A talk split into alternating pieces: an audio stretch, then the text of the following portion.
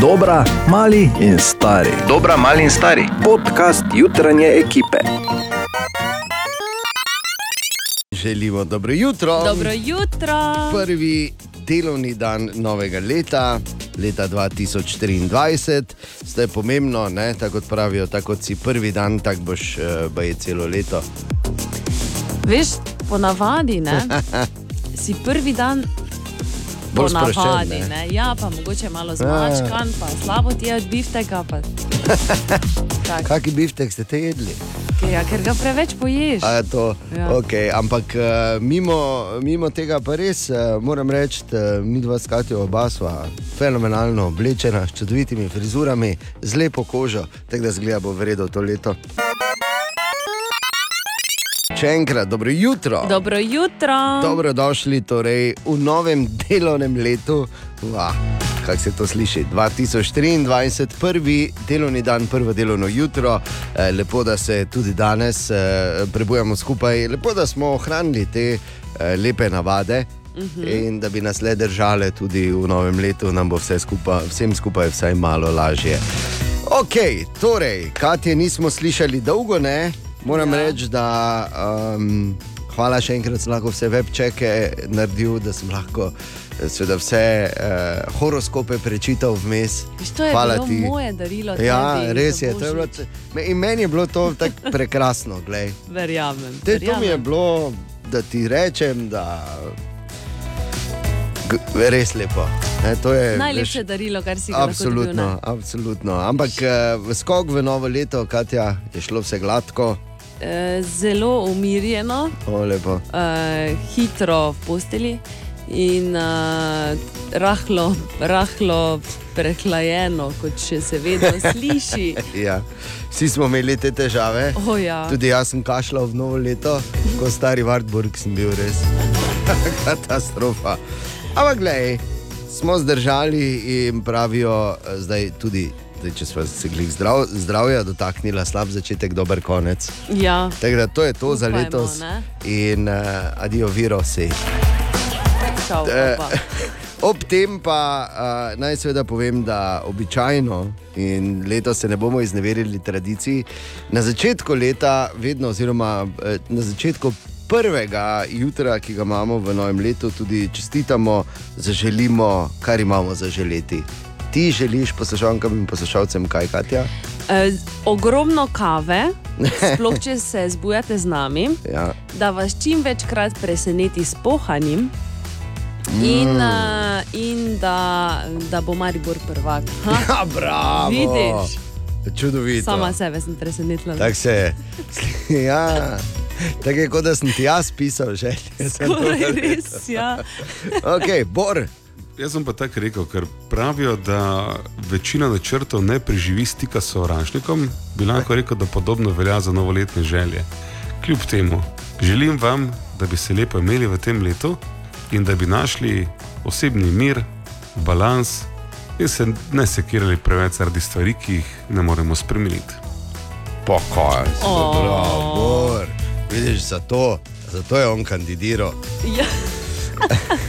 kot rečemo temu v Mariboru. Uh, jaz pa bi vam zaželel samo uh, zelo preprosto, pa mislim, da večplastno uh, čestitko, oziroma vam želim samo to, ker če bo to, bo vse, da bi se vam število vzletov in uspešnih pristankov ujemalo. 12 minut če šesto. Pa kako lepo. No, pa to ti pravim. Dobro jutro. Dobro jutro. Dobro jutro. Med listanjem po zanimivih naslovih človek naleti tudi na tega, ki ga še tu pa tam, zdaj se mi zdi, da vedno malo potegnejo ven, tako ali drugače, da bodo v Franciji med drugim mlajšim od 26 let delili brezplačne kondome. Ne, mlajšim od 26 let v letu 2022. Se vidi, kako so šparovni francozi, zdaj pridejo s to idejo. To bi morali deliti, ko smo mi bili mladi, ne? Te ko se je še bruslo. Ja, Tako se pač radi to lažemo. Ne? Želimo dobro jutro. Dobro jutro. Dobro jutro. Okay. Zdaj pa uh, ta nerodna podlaga v ozadju, ne, to je posvečeno predvsem meni. Okay. Kaj Iz večjih razlogov. ušpičil? Ne, hotel sem povedati eno čisto drugo stvar. Kak dan danes težko uh, človek, mislim, moraš prav izobraževanje potrebuješ, da bi razumel jezik mladeži. Aha, Ne? ja, da bi razumel, ja. kaj se oni to točno menijo. In imam doma dva super primera, ne, moja dva pubeca, ki sta 13, eh, en bo zdaj 13, drugi je 11, pa pol. In to je, to, to, to je, mislim, sem kar dobro izobražen, ampak še vedno me preseneti. In to je zdaj primer. Pridem eno jutro, uh, se vidimo, pač dobro jutro, dobro jutro in kar takoj, ati, ati, ati, pazi stavek. Pa strana ima novo Jim Kano, O moj to je Kem Block Series. Viš, kako mu gre, ko ima zadnje kolena, Kember. Jaz sem bil tak, ja, sem samo rekel. Iz bolj samo ohranitvenega nagona sem rekel ja in upal, da nisem v tem momentu prepisal vse, kar imam na jehovce. ne. Tako da, uh, seveda, šlo pa je pač za en video posnetek, Travis Pastrana je seveda legendarni motokrosist, uh, Jim Kana pa je ena serija Ken Blo Kena Bloka, ki je izjemen uh, voznik in drifter. Ne, in ima pač to serijo posnetkov, ko je ena cela taka zgodba v par minutah, priporočam, zanimivo za pogled. In še to sem se izobrazil, če ima na kember kolesa, ima tako zadnja kolesa malo tako pod kotom, ne, ko Aha. aloetra, da laže driftajo. Ok, Vse vem. wow. Ja, To, veš, kaj da. si mene naučil zdaj s tem? vse ne. Da, ne, da jaz v bistvu očitno ponovem spadam v to skupino kot ti. K meni si prišla, ne? Ja, to je po 30, vse veš. Tu je ta moment. Hvala Bogu, enkrat jaz ne rabim več tega čitati. Hm.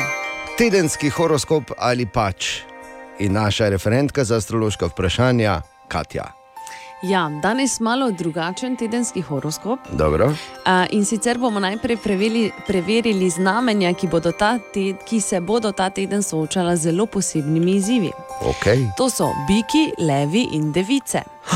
Torej, biki, vaše navdušenje in motivacija ob začetku leta vas bo hitro minila. Že v začetku tedna vas bo presenetila velika želja po lenarjenju, kar vam bo prineslo kar nekaj slabe volje. Ostanite nežni do sebe. Lev, vas čaka kar nekaj težav na področju samozavesti, do tega bo pripe, prišlo predvsem zato, ker se veliko preveč obremenjujete z mnenjem okolice kot običajno.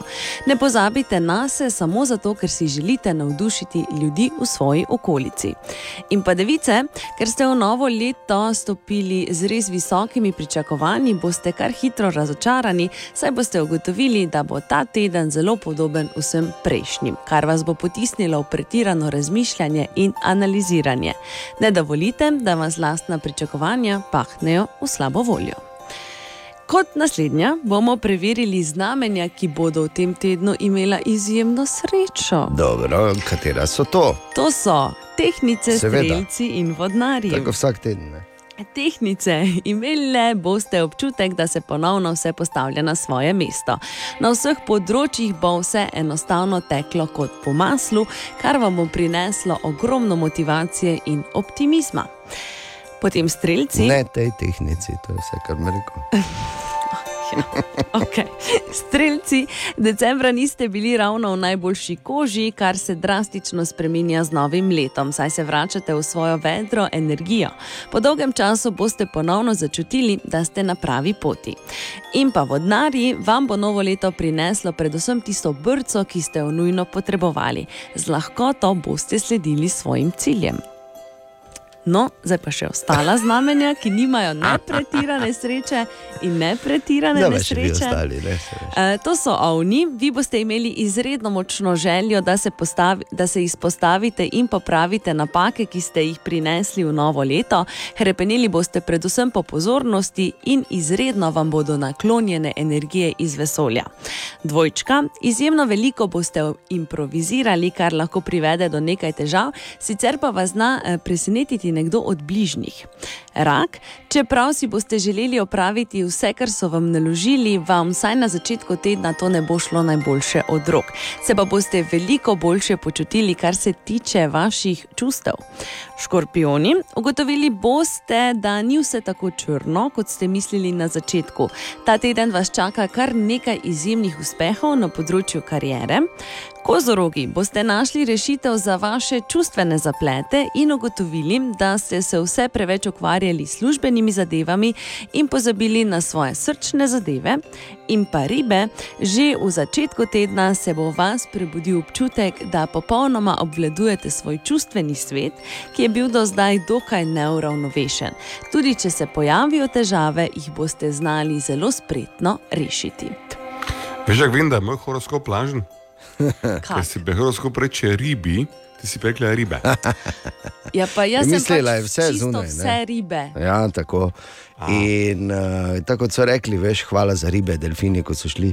Ampak uh, mimo tega, ne vem, zakaj se pogovarjamo toliko o tem nebesnem znamenju, če pa je to v kategoriji ostalih znamenj. Pač, Ne pa mi, ko smo, ne, v neki drugi. Ne vem, zakaj toliko časa zapravljamo tukaj. Ura je že 20 minut pred sedmo, dobro jutro. Dobro jutro. Torej, želimo dobro jutro. Dobro jutro. Dobro jutro. In dovolite mi, da vam pomagam. Dovolimo ti, da nam Res? pomagaš. Oh, super, odlično. Ne, ampak pazi, zakaj ne bi, čeprav uh, ne vem, zdaj, če to verjetno ne deluje, oziroma ne bo delovalo pri vseh, ampak gledajte, namen je dober in uh, vsaka pot v pekel je še vedno bila tlakovana z dobrimi nameni. uh, Ja. ja, jaz, bi vam, tabo vidim, ja. ja, jaz bi vam rad pomagal, da bi vi v novem letu vsi bolje spali, se lažje zbudili in bili boljšega razpoloženja naslednji dan. In vse to lahko sprogramiramo, po mnenju strokovnjakov, že en večer prej. In sicer tako, da preden zaspiš, poslušaš svojo najljubšo pesem. Oh. Ja. Jaz sem to prebral, sem, moja prva reakcija je bila, no, hvala lepa. Kak te naj vemo, rečem? da, Ja, tvoja, tvoja žaganja tebe ne bo spravila v posel. Ne, ne to, kak te naj, uh, kak te naj za svojo najljubšo v bistvu sploh pribijem. Jaz, imam, jaz sem imel težavo, jaz se bom do dveh jutra sam sabo skregal. Se odločil, to je res. Ker je zdaj. Ne, čakaj, ni to tako, kaj pa to, ta, joj, ja, ne, kaj pa to, joj, kaj pa to, joj, kak mi greš na živce, da je, joj. Ampak, To so, to so resne je težave. lahko kar problem. Ampak vseeno, zdaj, če bi morali, morali iti malo skozi, da eh, ne da ne poznajo ljudje, vajo že dovolj, Katja in Bor, ampak vseeno ne vprašam, če bi morala. Um, Povedati, katero bi pa vidva, oziroma bosta vidva poslušala zvečer, ko, da bosta pač svojo najljubšo, da bosta naslednji dan boljše volje in bosta boljše spala. Katja, Jaz bi mojemu najljubšemu izvajalcu kroju rekla, naj si malo ušesa zatisne, ker nas posluša vsako jutro. Ne? seveda. da. Uh, in uh, bom rekla, da od Panic at the Disco, Death of a Bachelor. Tu je bila.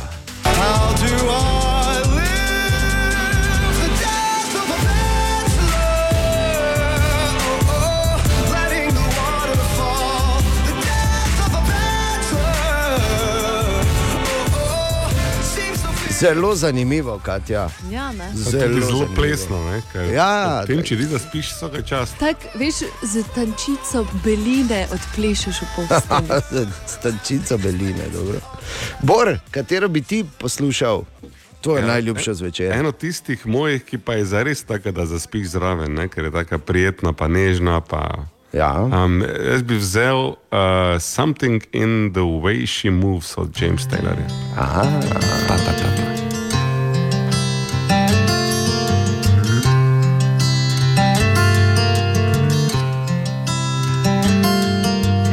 Something in the way she moves, looks my way, seveda, da morajo biti malo težji akordi in malo nelogično, ritmično, vse skupaj valjda. Absolutno. tu vse Bor. zaspim zraven, ne pa pri vajnih. tu, jaz ne bi nikoli zaspal zraven, ker bi me metalo. Ta-da, da-da, da-da. ko imajo te prehode. Hotel bi mu popraviti akorde. ne. Ja, pa kam, James, kam? Okay, jaz pa recimo, zdaj, če bi moral eno, ampak naj povem, vsak večer bi drugo poslušal, če bi mogel svojo najljubšo, ampak ena tam pri vrhu je zagotovo ta.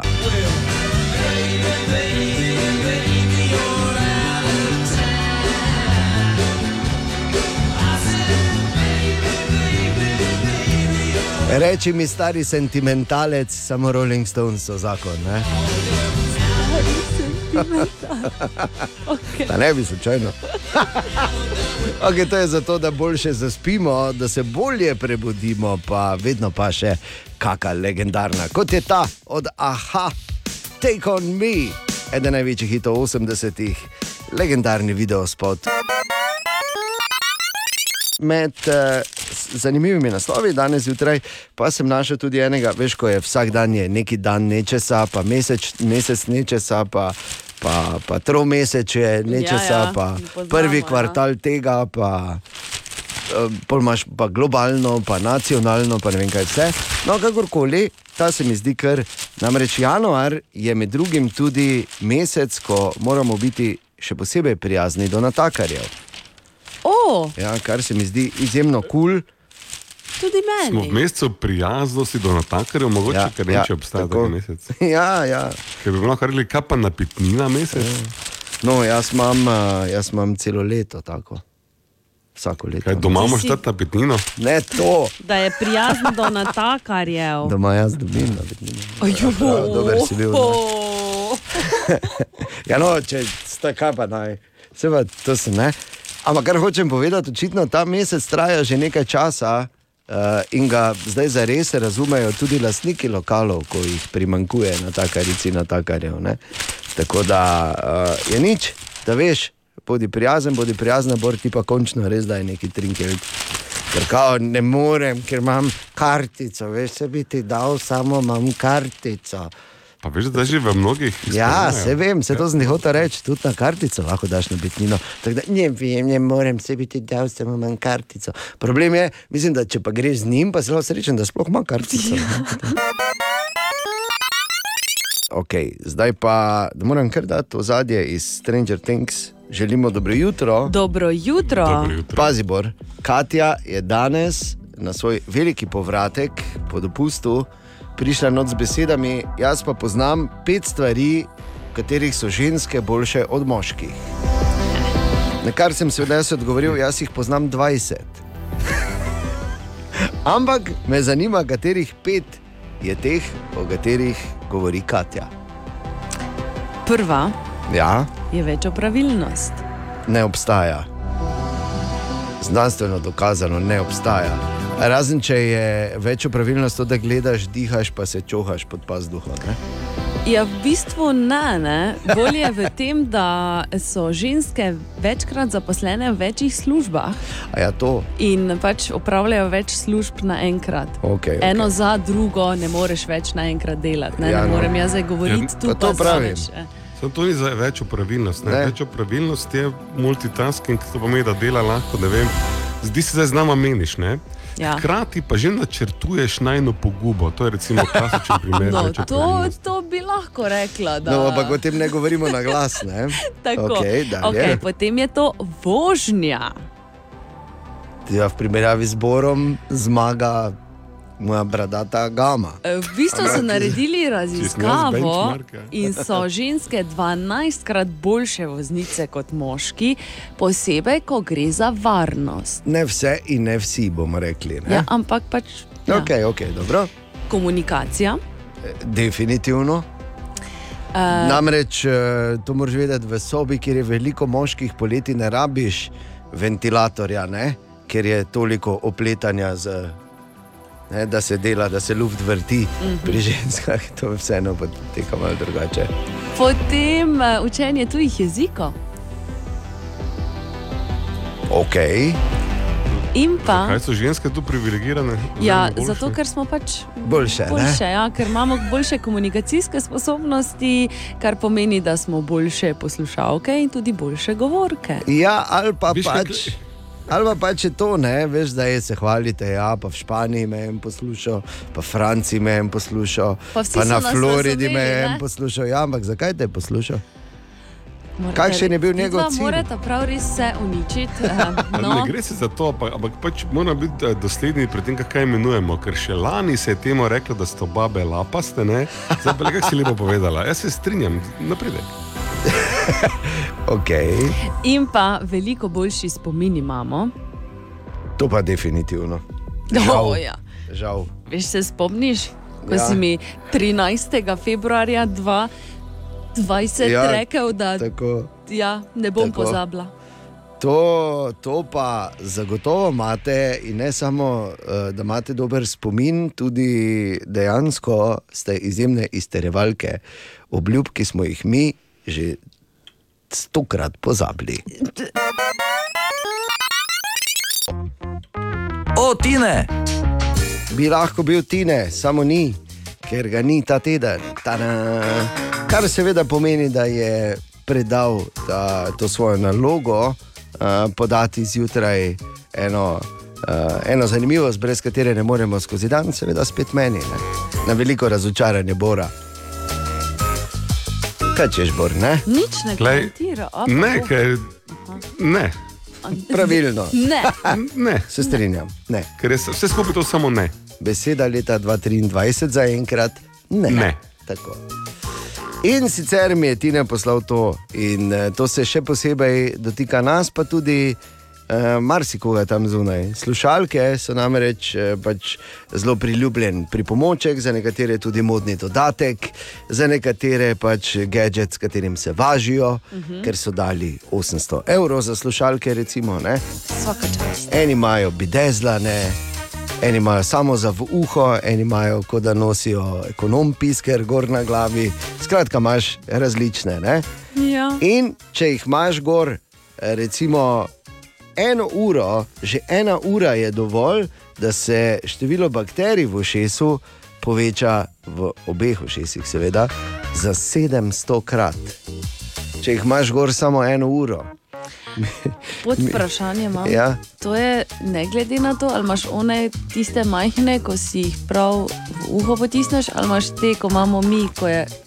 Ko, veš, Ja, naj ti večje. vrnem s vprašanjem. Ja, Ne, Tri vprašanja imam. Prvo, ali, se, ali je to moja zanimivost, ti ne mi je poslal. Drugo vprašanje je, ali jaz gledam kot nekdo, ki to raziskuje. In tretje, ali ti zgledam kot doktor otorinolaringologije, da bi se spoznal v bistvu na te stvari. Ja, probala sem. No, probala si. Aha, efekt. En v High-Effectu Bor danes odgovarja na vprašanje Laure, ki jo zanima, za, zakaj nekaterih veščin ne pozabimo nikoli, tudi če jih ne uporabljamo vsak dan, kot je recimo vožnja s kolesom. Hvala za vprašanje. Čakal sem ta moment, ko bom lahko dal računalniško metaforo za človeški spomin. Eh. Tako v računalniku tudi imamo v glavi različne vrste spomina. In zdaj ta, ki skrbi za to, kako mi vozimo kolo, je procesne narave. Olajša učenje veščin, je vrsta spomina, ki uh, s ponavljanjem navad in rutin potem ustvari uh, podzavestno uh, lahko vi opravljate nalogo, ne da bi kaj dosti, ker zdaj vi, ko greste na kolo pri svojih, koliko si star dan, že Ne govorimo, ne vse stvari veter. Zakaj bi to No, skratka, Pač, ko dejan sedi na kolo, čeprav ni ja. vozil že tri leta, on kolo zna voziti. Zdaj pa predstavljamo si, kako bi bilo lahko nasprotno nerodno. Ti se znajdeš v življenjski situaciji, ko moraš naenkrat balansirati nekje visoko na treh metrih, pa pozabiš. Ne? o, to pa je problem. Ja. Slabe ideje. Zato, zato pač obstaja ta vrsta spomina, ki ko enkrat se naučiš, veš celo življenje v praksi. Čist drugače kot, uh, kak je že ono ime? Ja, ja, veš, oni, ko smo se, ko smo bili, pa ko je vse, Ja, veš, vem, oni, ja. ne. Ja, ja samo, pa ko glej. je imel, kaj je že imel, no, ampak oni, se veš. Ja, ja. Točno to. Bi pa samo rekel, da uh, se tudi tu vidi, da pa zdaj uh, se upravičujem, ampak za potrebe debate, uh, da ima Bog smisel za ironijo, ne? da nekaterih bistvenih stvari ne da v rom, ne? Ja. ampak da v ram, ki se vsak večer zbriše. Hvala lepa. Ali tudi vi pogosto totavate v temi? Aha, efekt, da boste vedeli več. In čas za prvi, kar kul cool ali kar slabo, dobro jutro. Dobro jutro. V... Kaj me, glej, Ja, oprosti. No. pa Oprosti. danes, ko imam tako kul. Ja, je, že, Katja se že veseli, pravi, da bo, že, da, da bo stokrat zmagala. Danes. Tako. Uh, in to je seveda, ko vsak od nas pripravi eno dejstvo, za katerega misli, da je kar kul vprašanje, če se s tem vsi strinjajo. V studiu je ena. Katja pa kar, ne, če si se odločila, da bo zmagala. Okay. danes. Dobro, če bo full cool, te niti ne rajte povedati. Okay. Poznamo vsi to mehurčkasto folijo, ki jo Ja. dobimo v paketih. Ko ne? takrat stiskamo. Ne? Ja. 1957. leta je bila izumljena, z dva žin, že, inženirja sta naredila Ja, in ni bila mišljena za to, za kar jo uporabljamo danes, ampak ampak je bila v bistvu mišljena za tapete. Pazi, Zakaj? dve Za zavesi za prho sta skupaj ja, zalepila to. in sta rekla, da to bi pa ful dobro bilo, če bi bila tapeta. Štiri leta kasneje sta potem ugotovila, da pač ne gre ravno, ne? pa sta dala. pa sta dala, ajde, kaj pa te, če bi Če- probali za pakete. Ne? Ja. In je šlo. In je bilo. Vse ne vem, jaz sem vmes, ampak vseeno, naj ti bo. Jaz bom rekel, kar kul, kar kul. Veš, kak je to, ko ne, uh, pač ti nekaj delaš, pa v bistvu misliš, da delaš eno stvar, v bistvu pa delaš nekaj povsem drugega. Ne? Ja, pa- Legendarnega, recimo. Točno to, ne? Ne? Okay. Bor, Jaz sem peč zamenjal lani in uh, ena od kul. posebnosti tega, lepa, Kar kul. manevra je bila, da orhideje mi v eno rastejo. Zdaj še gledal, čim je fora. Ampak um, očitno ne, orhideje, ki so epifit in rastejo v džungli, imajo bistveno raje temperature, ki so bližje energetski krizi, kot pa temperature, ki so tropske. Ker pazi, to ni za ena orhideja na tu enem mestu. Preštel bom ena, sedem, devet, dvanajst orhidej ena, na treh devet, mestih. dvanajst. Neko novo štetje. Ja, če, Ja, če bolj- vem, koliko jih imam, ne, kaj nazaj na prste štejem. Lahko samo vprašam, 12 na treh mestih, vse cvetijo, pa si vesel? Nore. Torej, ker kul. ne? Se strinjaš, Katja? Se strinjam, veš, da z Absolutno. rožami se vedno strinjam. Okay. In zdaj jaz. Um, moje dejstvo pa je, jaz, ko sem to prebral, nisem mogel verjeti. Ampak vemo, Cancún je eno od najpopularnejših letovišč v Mehiki. Uh -huh. uh, ampak pred 50 leti to ni bilo nič drugega kot pač neko zapuščeno obaljno območje, kjer so bile v džungli noter same kače. Oziroma v gozdu, tam pa nič ni bilo prav. ne. Ja. In Mehičani so takrat razmišljali, oziroma mehiška vlada leta 1968 razmišljala, da rabi novo letovišče in so pazi. Uh, napisali računalniški algoritem, v katerega so dali noter vse mogoče parametre, Ne? Ja. Se pravi, od temperature, dni sonca, vlage, uh, uh, kak so druge živali, tam komarji, zajedalci, uh, kak, uh, kolikokrat tam ne vem, uh, bičajo uh, to območje tropske nevihte in tako dalje. In jim je računalnik ven vrgo točno ta del, oziroma Cancún. In uh, točno, kakšne stavbe morajo biti, kako visoki hoteli, kaj vse. In, in dejansko so se uh, lotili tega znanstveno, in s pomočjo uh, računalniškega algoritma se je rodi, rodilo torej to letovišče Cancún, ki je kasneje postalo legendarno, oziroma najuspešnejše letovišče v Mehiki. Lepo, ne? Pravo. Krkul. Krkul. Kaj pa, ko Čist, smo jaz sem čisto šokirana. zdaj. Ja, ja. Kaj pa, ko smo vsi začeli z krkul novo leto? Ha, kar kul. Krkul. In čas, da prvič v novem letu tudi preverimo, kaj je, ko je šel odprtih oči skozi naše mesto, zasledil Jaša Lorenčič. Jaša, dobro jutro. Zdravo. Jutra. Boljše pozno kot nikoli, ne?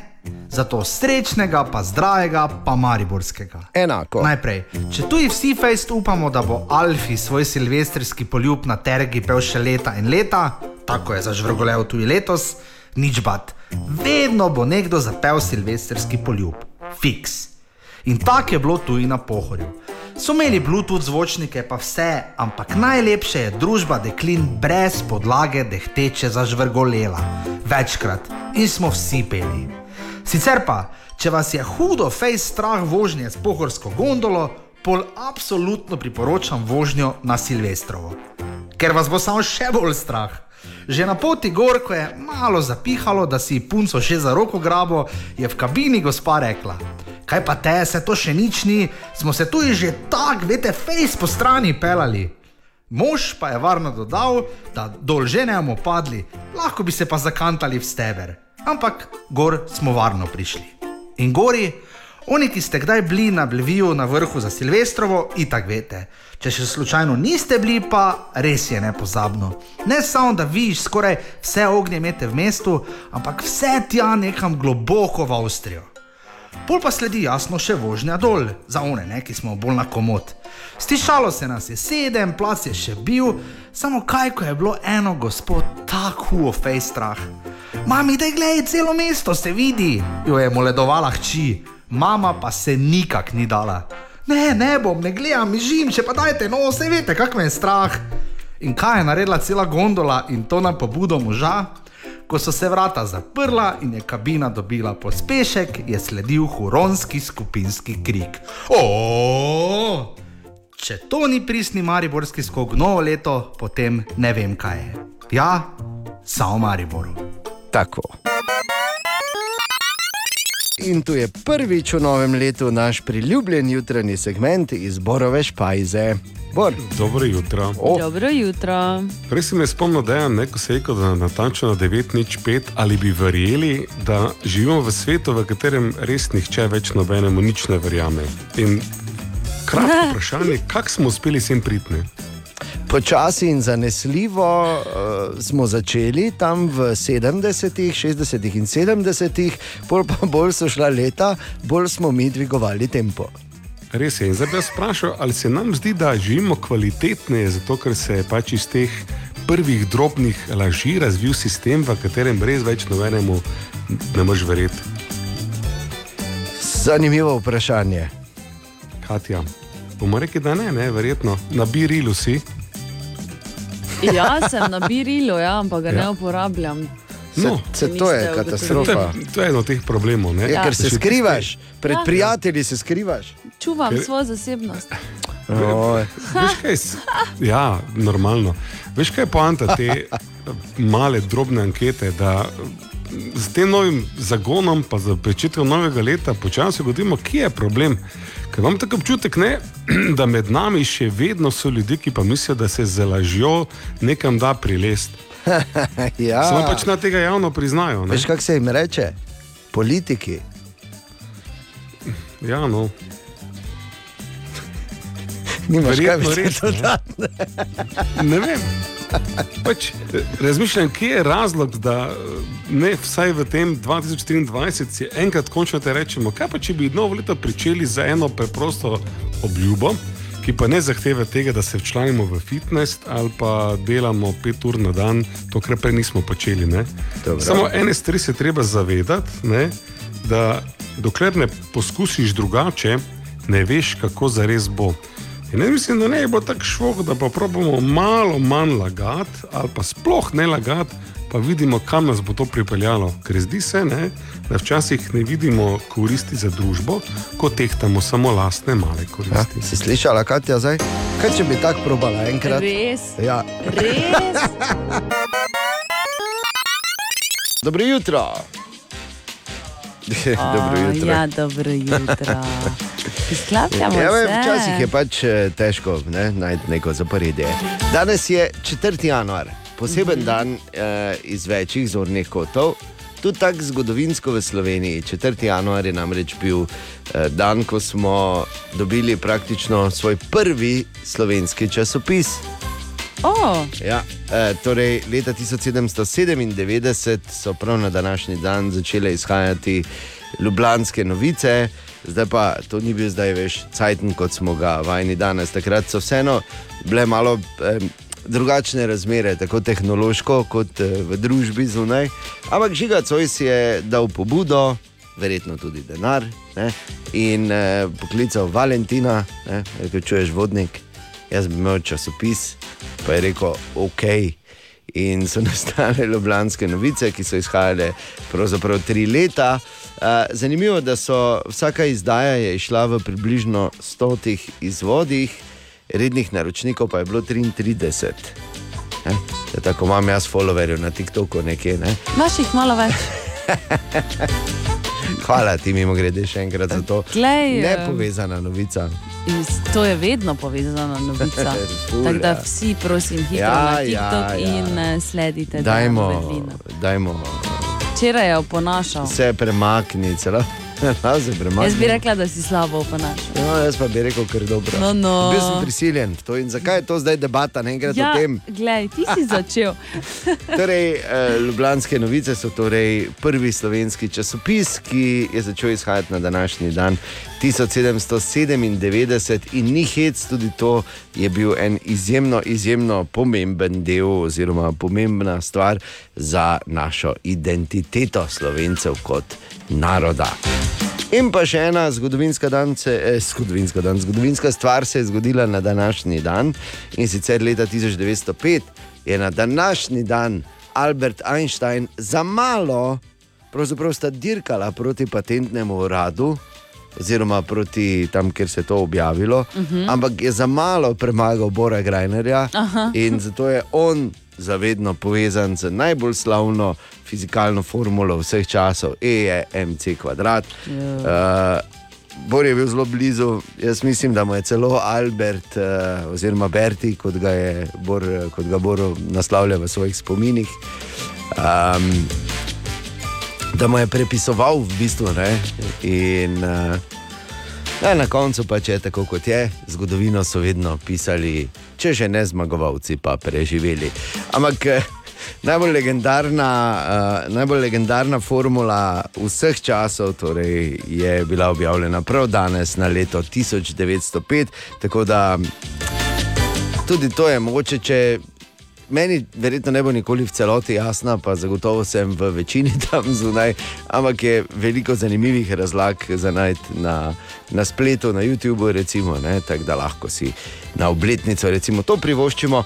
In pa še ena zanimiva stvar je povezana s 4. januarjem, to je Mednarodni dan špagetov. Uf, aha, tako da vemo, kaj bomo kuhali. Recimo, danes. ne? Bolneze ali pa kar aljo oljo na brzino, ne? tudi gre s česnom in olivnim. Ne? Čeprav karbonara. Recimo. In zakaj 4. januar? Ker če kot tak pogledaš, vizualiziraš, sta to dve zelo sloki številki. In med listanjem po zanimivih naslovih najdeš tudi to, kar nekaj naslovov na to temo je, ampak bom prebral enega, piše eh, Hrvati na nogah zaradi predrage kave. Kar se je, in ne bi rad zdaj govoril o sebi kot o preroku. Dovolj je, da je Bor, v bistvu ne, že v naši jutrni ekipi, v, v tej vlogi. Ja, tako.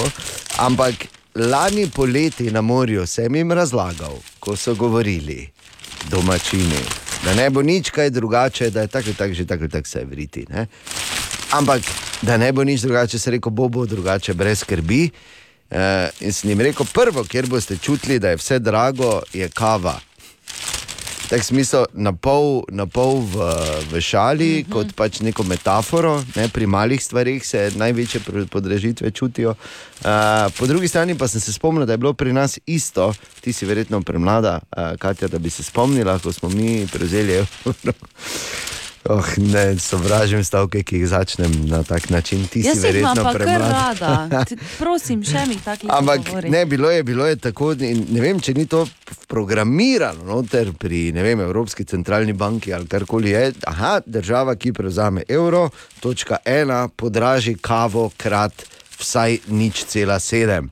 Če že ne krat, oziroma krat 1,7, če že ne krat 2. Tako da uh, tudi pri nas je kava naenkrat bila toliko, pol pa je bila dvakrat toliko, ko smo dobili evro. Se spomniš, Bor? Ali ti takrat nisi kave pil še, ne? Uh, nisem, ampak se pa spomnim. Ja. Čeprav to je bilo Čakaj malo, kaj to je 30 let nazaj? Ne, ni 30 let nazaj. Je pa že kar nekaj, ne? mislim, da je bilo leta 2007, tako da kar nekaj let nazaj. Web, web, web, web check. Dobro jutro, Katja. Dobro jutro. Izvoli.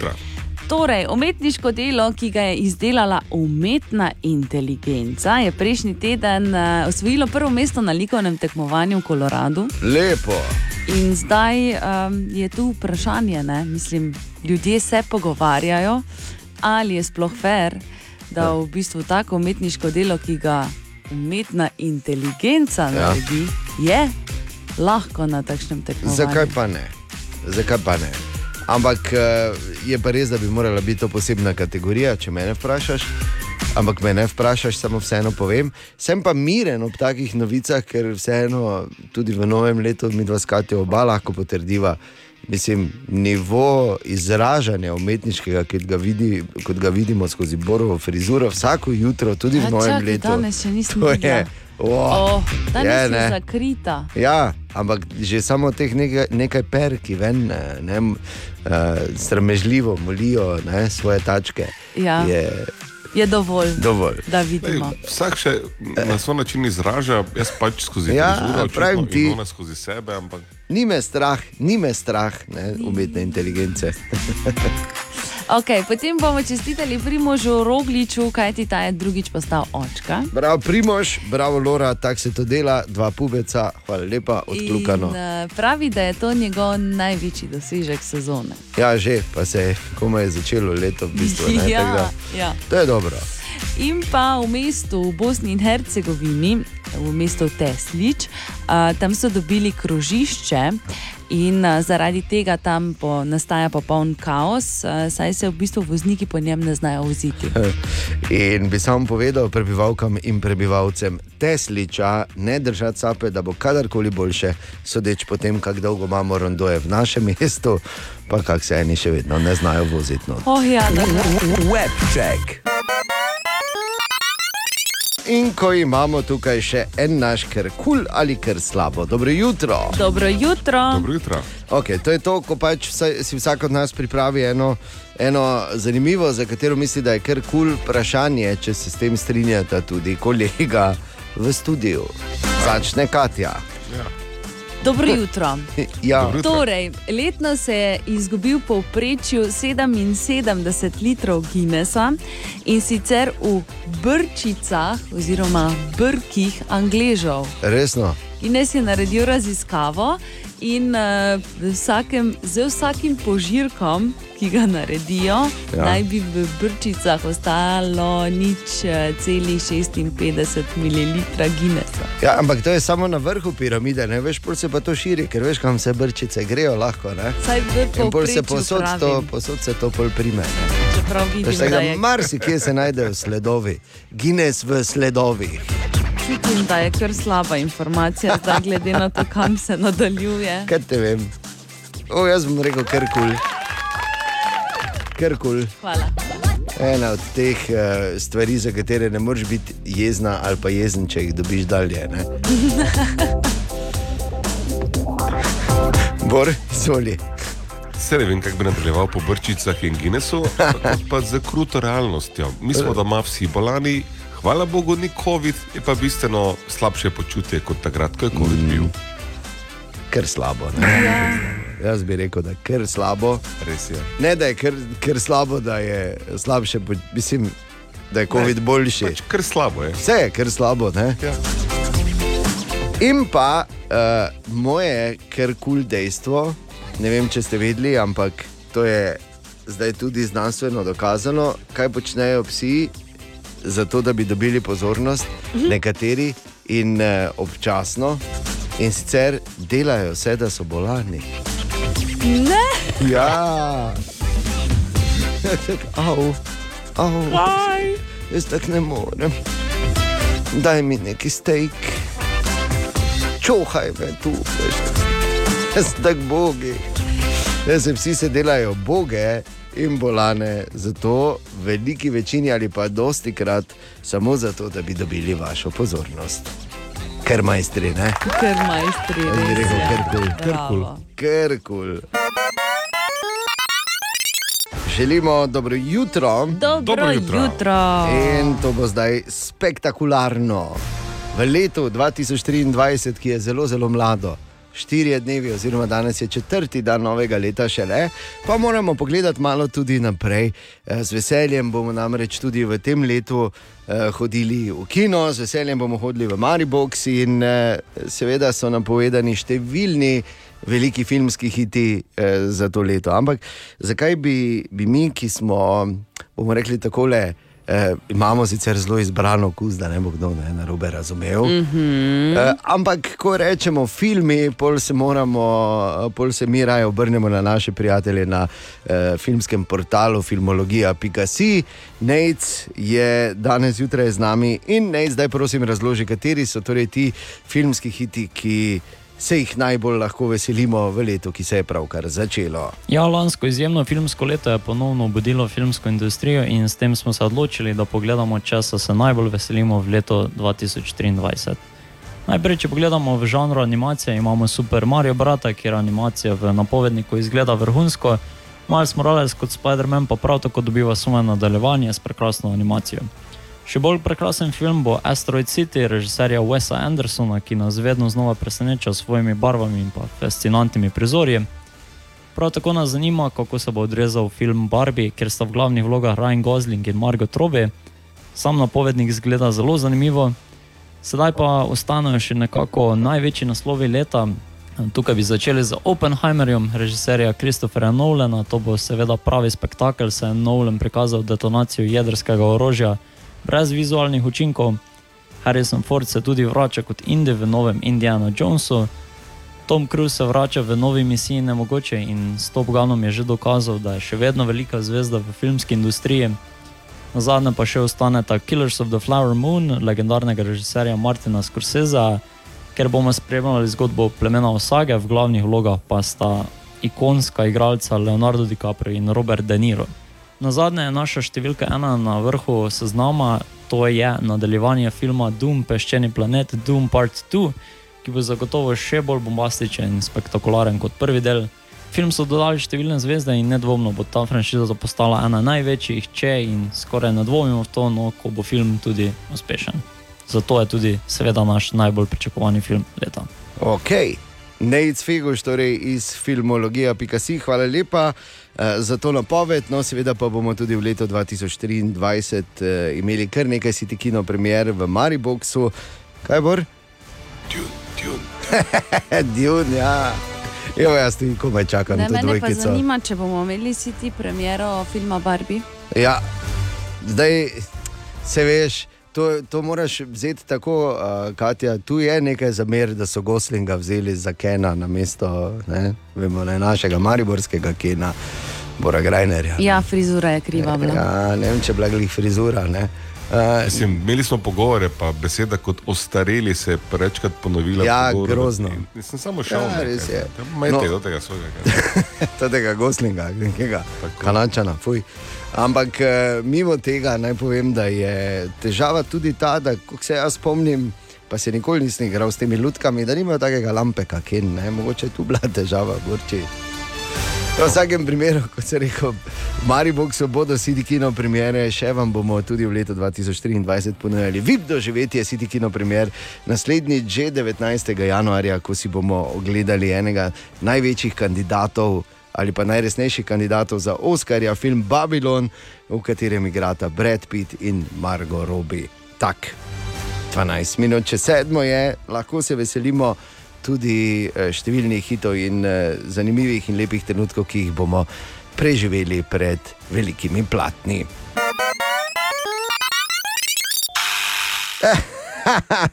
Kaj pa nekaj, kar absolutno ne bi smelo tu biti.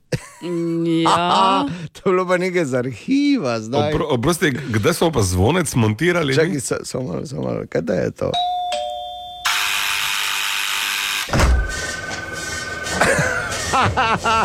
Se spomniš raziskovalne redakcije, Bor? Ja, se ja. Vračamo jo. ker Ne, imam ne, po- vračamo. Poslušaj, imam, imam točno podatek za raziskovalno redakcijo danes, ker Ja. znanstveniki veste, da pa preučujejo pač marsikaj in eden od eh, ciljev je, da bi lahko nekoč organe, ki nam zastavijo. Nam zastanejo. Ne, to, Ne, pač, glej, bolj ali manj si vemo, ne? človek dosti pije, pa gre pač. Ne, Bor, ledvička, kaj ti je ne, zastav, kaj ti je zastav organ? Ne, še, ni ne informacija, še, ampak, hočemo zjutraj. organih je vprašanje časa. In zdaj znanstveniki vse iščejo načine, kako bi zrasla nova ledvica in tako naprej, in igrajo se z možganskimi celicami tudi. In bi bila zgodba v redu, ne, če ne bi ugotovili, da pač te možganske celice, ki so jih potem um, s pomočjo moderne znanosti vse na malo pač ne spodbudili, da rastejo in tako naprej, hopa, razvijajo par oči. Tako da, veš, Resno? priješ v laborat- ja, v laboratorij en dan, da vidiš, če so se pač tvoji ne, ti možgani, ki jih ti tam razviješ umetno, kaj razvili čez noč in kaj vidiš gor, par oči. Oš, to, to je Ja. ja. kar strašljivo. To je tako kot, uh, kot v znanstveno-fantastičnem filmu. Si ziger, da nisi pomešal fikcije in realnosti ta trenutek? Ne, igrali so se tam v epruveti in epruveta je dobila par mm. oči. Naj samo povem, da to je povedal Bor, jaz mislim pa samo preprosto povedati, da je uh, med številnimi stvarmi, ki jih je Karel III. herbal po svoji mami, ko je prevzel prestol, je bilo tudi lastništvo vseh labodov in delfinov. Fajn. In tu je vprašanje za Hajfek za danes, Katja. Ja, tudi danes eh, vprašanje, ki smo ga dobili na jutro na radiju city.js in sicer vprašanje Line, ki jo zanima, zakaj imajo ribe drugačno meso kot kopenske živali. Bi rekel, da ti voda to naredi, ampak verjetno bo bolj strokovno. Drugi lovič odgovor je, ker so ribe. Ne? Ribe, ribe, ribe. Ribe, ribe, Tako, in potem prije seveda še le, le. ker riba ni pujček. Ne? E, ima pa Čeprav, pujček tudi to je glik smisla reči, prav. Je, Vse je povezano na tem svetu. Ampak, ja, Lina, super vprašanje, odgovor pride v Hajfek, to takoj potem. Aha, aha, aha, aha, aha, aha, aha efekt. In v Hajfektu Bor danes odgovarja na vprašanje poslušalke Line, ki jo zanima, zakaj imajo ribe drugačno meso kot kopenske živali. Bor.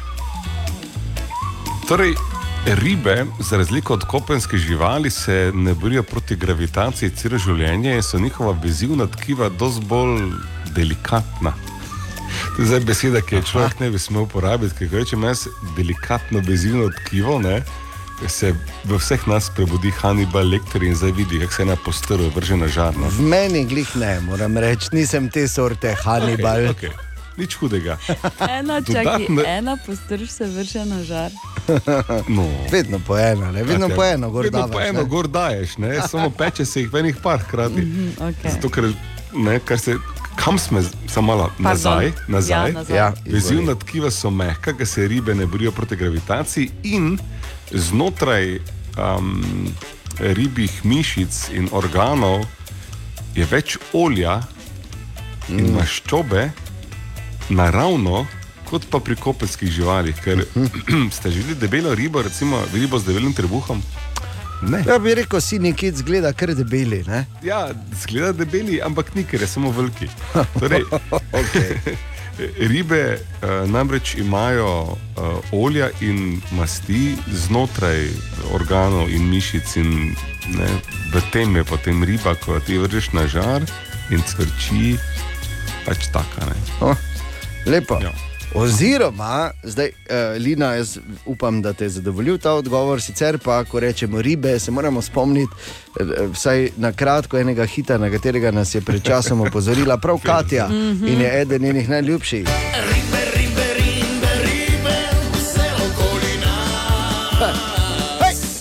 Zagotovo je, da najljubši. Je, ne? Ja. Ja, pa veš zakaj? Zato, ker tako lepo na začetku zapojejo.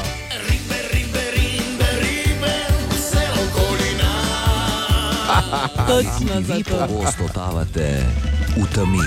Aha efekt, da boste vedeli več.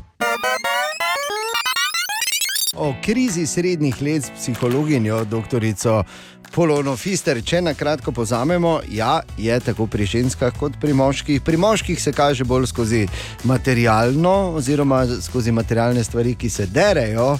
Ne, sem preko prajma, ampak si ne priznam. Uh -huh. Medtem ko doktorica razlaga, da se ženske bolj uh, zazrete vase, zaprete vase. Ampak kaj bi recimo svetovali ljudem, ki se znajdejo v tej krizi srednjih let? Jaz bi jim svetovala, da vse to, kar čutijo, ne, ne zanikajo, ne ignorirajo, naj se na nek način ustavijo in naj se soočijo tem, kar živijo. V naslednjem koraku pa bi jim svetovala, da naj ne iščejo nekih rešitev, ki bi jih poprečna slika uspeha in sreče lahko svetovala, ampak naj pomislijo, kaj je za njih res pomembno in kaj od tega, kar je za njih res pomembno, je v majhnem koraku, en droben korak, možno storiti že danes. To se pravi, naj se začnejo premikati v svoji lastni smeri, ne v tisti smeri, kot doskrat narekuje družba, pa ne prinaša zadovoljstva, ker zadovoljstvo ni povprečje. Doskrat nas je strah, imamo občutek, da ne znamo, da ne vemo. Ampak, če zreduciramo to na zelo majhen, zelo droben korak, pa ponavadi vemo, in za tem korakom pride naslednji, in bomo tudi vedeli in bomo tudi znali. To bi jim svetovala. Čudovito. Hvala lepa, doktorica Polona Fister.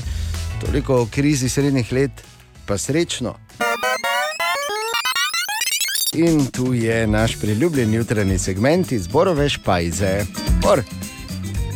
Dobro jutro in oh, pozdravljeni. dobro Danes bomo jutro. analitični, ozrli bomo se po sosedih in pogledali, kako živijo. Avstrice preskočimo, italijane nas nič ne brigajo in že gledamo bosance.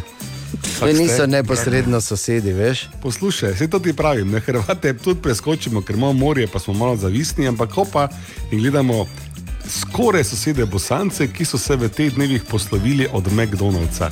Prvi vrsten škandal tam doli je v tem, da a, pet restauracij, tri v Sarajevu in dve v Mostarju, zapirajo svoja vrata za praktično nedoločen čas. Kaj pa te? In, zdaj, za- na prvi pogled si misliš, ja, kako je te to možno. Ne? Uh, in ugotoviš, da malo so bila bosanska, izvoli. Ja, Roko ja, je hotel dvignila. sem reči samo to, da je. vrsti dan, eh, eh, eh, dviga v prvi vrsti roko, izvolite, povejte vi. Ha, hvala lepa.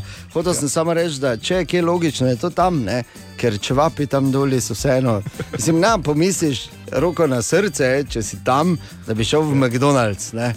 Ampak greš v neko drugo, če vabdžinico, ne se veš. Pazi, eh, zgodba ima moralni nauk, ali pa ta, ta basen ima svojo logiko ravno v tem, Basen, da tudi. Ja, so glej, živali. Živ... Poslušaj, prednji vuče vapne. Hočem povedati, ne, da ta meč ima dve rezili. In na eni strani, seveda, bosanska posla, okoli pol milijona dolga je bilo, ker pač niso plačevali franšize in je McDonald's preprosto franšizo vzel. Ampak na drugi strani ne, je točno ta ostrina, o kateri ti govoriš, kaj bo McDonald's v Bosni, Seveda. ki imajo čevape že od pamti veka. Ne? Res je. Kaj boš tam? To je tako, da bi šel v Pacifik prodajati slavno vodo. Ne bo franšiza nekaj laufala. Ne?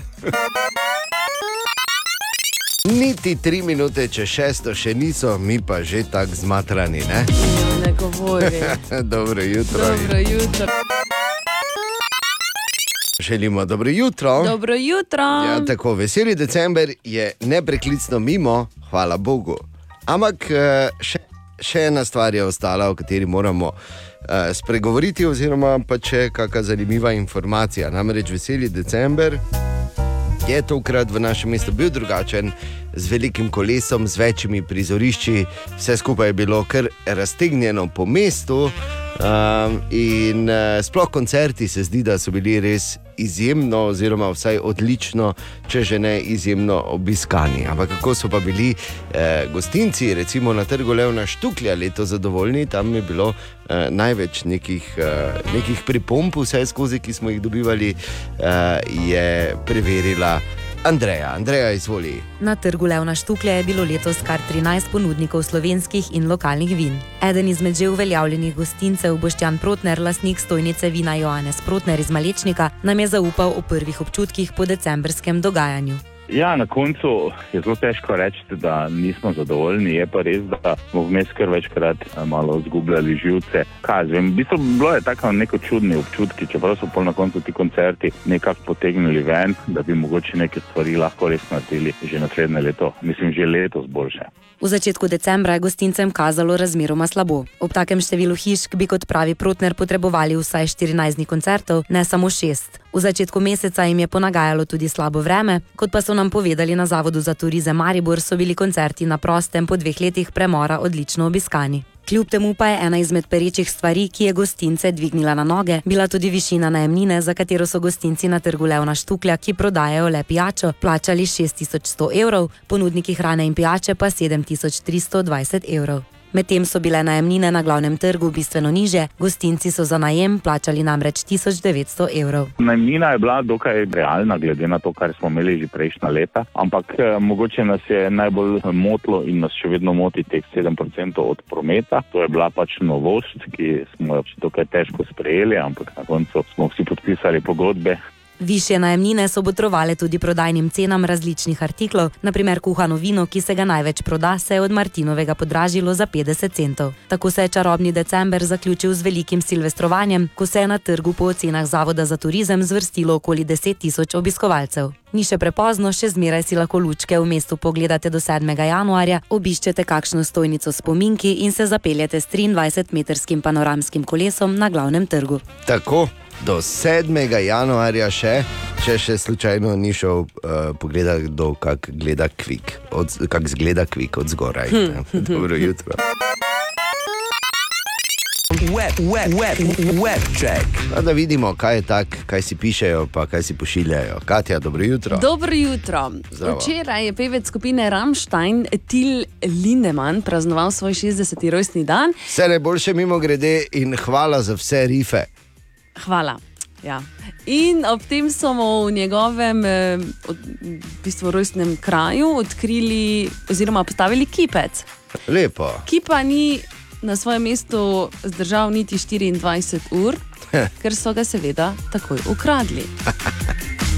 Pričakovano. Ja, tudi pevec je rekel, da je sicer pričakoval, da se bo to zgodilo, ampak da je upal, da bo ostal vsaj do njegovega rojstnega dne. Kar pač ni. Ja, pač so, so res ramsajn kultni, tako da ne preseneča to. Potem eh, na TikToku eh, že kar nekaj časa, oziroma od novega leta naprej, eh, traja nov trend in sicer, da snemamo, kako nekomu sporočimo, da je umrla ena od zelo znanih oseb. In pol snemajo njihove reakcije. Tako. In zdaj vidiš, kaj me ti siliš. Jaz te Ne. ne, silim, da snemamo nekaj takega. No, povem pač. Pač, okay? Zdaj ne meči vseh v isti koš. Samo rečem, Ja, samo poveš. tu me je, da moram jaz biti del tega. Tak, samo toliko, da se malo buniš. ne. Mimo grede, dejan vedli na TikToku. Pa daj hvala. mi. Lej, In pa potem, zaradi ogromnega števila prebivalcev v Tokiu, se je tamkajšnja vlada odločila, da bo od aprila naprej vsem družinam, ki se bodo odločile, da se iz Tokija preselijo, na enega otroka dala teh eh, njihovih milijon jenov. Ne? Uh, kar je v bistvu nekaj malega več kot 7000 evrov na otroka. Torej. A zdaj plačujejo, da se izseljujejo iz Tokija. Tako, ker je preveč. Vidiš, včasih bi to rešili drugače. Včasih bi prišla četa samurajev, caka. Zdaj pa pač rešujejo z narom. Zdaj pa pač Dosti bolj humano. Ja, hvala Bogu. Ne? In pa tudi otroški vozički naj bi ponovem postali self-driving, torej Ja. eh, sami se bodo vozili otroci. Pametni, ne? No, mislim, to je zdaj, veš, tako pri vsaki stvari je tu plus pa minus. Ne? Plus, spomni se, koliko krat je že kdo, ko si nič hudega sluteč šel ali pa šla po gospodski nabasal z, voži, z vozičkom sp, skoraj, ne? sploh taki za ovinka, ko eni res ostro jemljajo ovinke. Mhm. Po drugi strani pa, uh, kaj zdaj ustavi pol nekega hekerja, ne? da ti odpelje malega. No, ja, glej, žal, Žal. Tako da pač, eh, če hočeš, oziroma ko bo to in se zagotovo bo prišlo k nam, če hočeš biti komod, samo moraš biti pripravljen, da boš za to moral plačati ali pa morala plačati zelo visoko ceno. Še kaj mislila, Katja? Ne, nič nisem več Vse to je mislila. dovolj, bi rekel. Webček. Če enkrat dobro jutro. Dobro Dobro jutro. jutro. Dobro jutro. Zdaj pa moram eno stvar povedati. Mislim, čas je, da naglasimo to težavo, ki jo imamo tukaj. Danes je že 5. januar, ljudje v studiu ena in še nismo naglasili te težave. Okay. Eno je, da um, pač meni lasje bežijo iz lasišča, ne? Ja. da je Mickey Mouse vedno večji, da se zadaj pojavlja tudi pater. In da počasi bo treba, bo treba čist nadoliti, kaj hočeš. Ampak na drugi strani pa imamo pravzaprav strašljivo situacijo, že vse skozi, že celo leto. In uh, Bor, jaz sem eh, gledal v cirkusu Mojre Orfeji, imajo specializacijo za krotilce levov, razpisano za februar. Če bi frizera svojega tja poslal, prosim, lepo, ker, je več kot skrajni čas.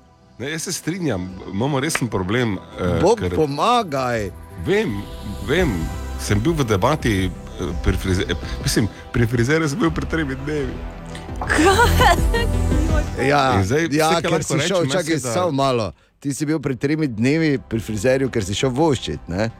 Ne, ker Ne. bi te strigo.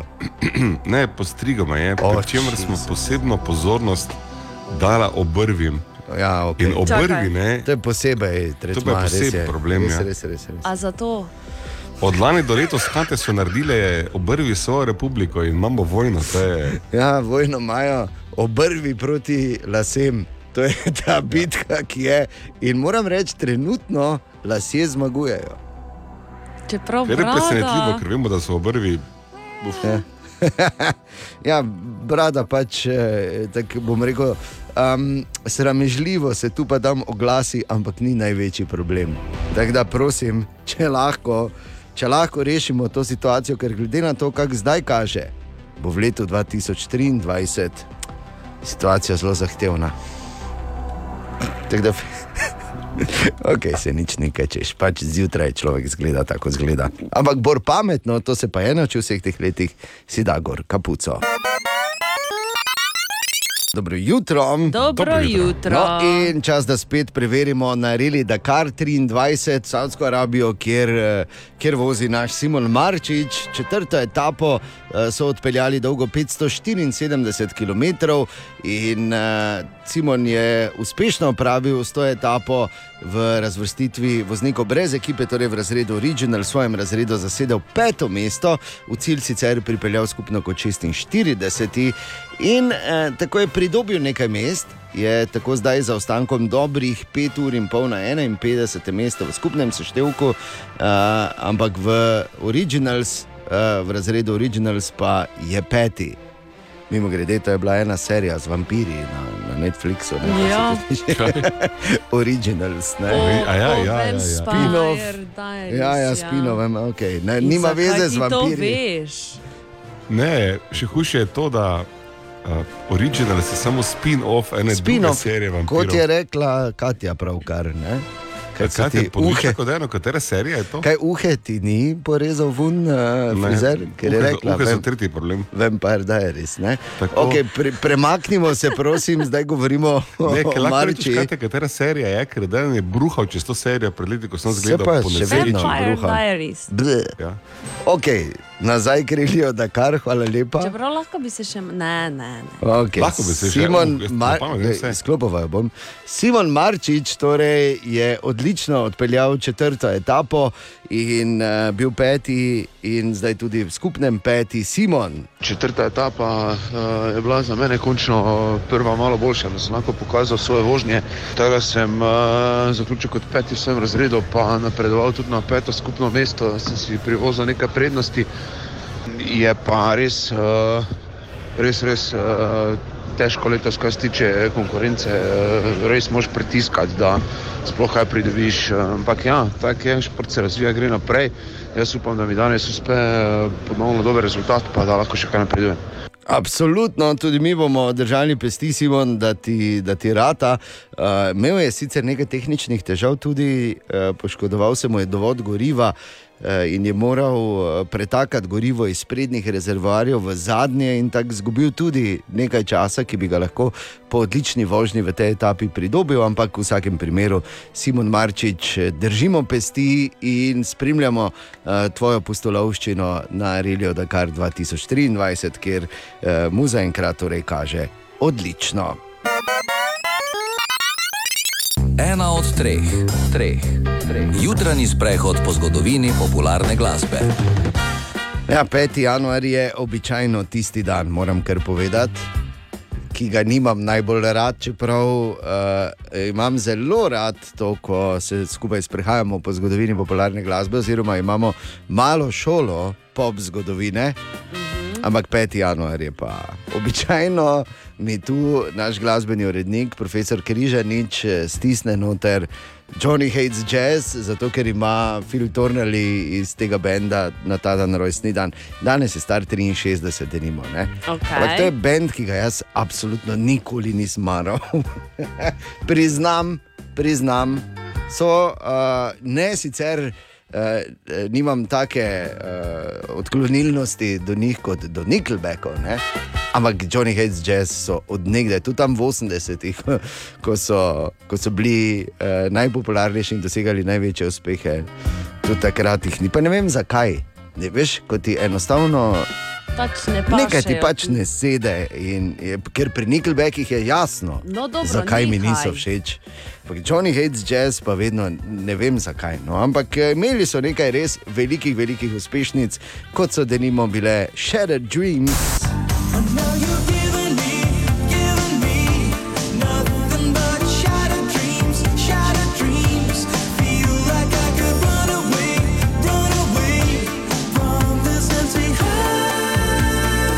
Ali pa denimo Heart of Gold.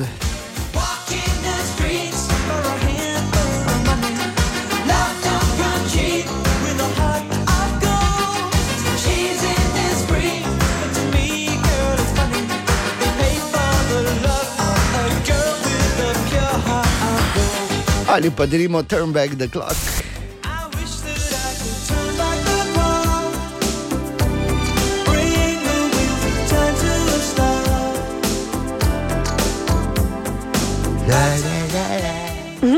No, skratka, Johnny Hates Jazz, Phil Si se Tornelli. norčeval za, ravno iz te zadnje Ja, nikoli jih nisem maral, priznam. Tako si najljubša? povedal. To je tebi najljubša. To dosti tega razloži. Ampak, eh, seveda, Phil ima danes rojstni dan in zato Johnny Hates Jazz in I don't wanna be a hero. Yeah! Narečja so zakon. Ha, kva, koga, kaj? Ma ne razumem. Tako, Marko Fras, kaj smo na zadnje iskali, kateri izraz, kateri stavek in srečno novo leto in dobro jutro. Dobro jutro. Zdravo. Dobro jutro. Na zadnje smo iskali narečne verzije te povedi. Zvečer sem bil tako lačen, da sem pospravil dve veliki pici. Sem Alenka, prihajam iz okolice Svete Trojice. Jaz bi pa rekla na ta stavek tako. Včeraj večer sem bil tako lačen, da sem celo pico pojel. Moje ime je Daniel, sem iz Maribora, narečje pa hoško, framska zadeva. Mi je večerko krulilo, kot pesi, da sem ima dve grande pici, mogo rukniti. Zdravo, jaz sem Dušan, prihajam iz Malečnika. No, to poved, ki jo iščemo ta teden, bi po moje bilo takole. Zvečer sem bil tako lačen, da sem dve veliki pici pojel. Bog daj, jako tu, z obrža. Pri nas po temu rečemo tako. No, večer sem bil tako lačen, ko sem postunil dve pice.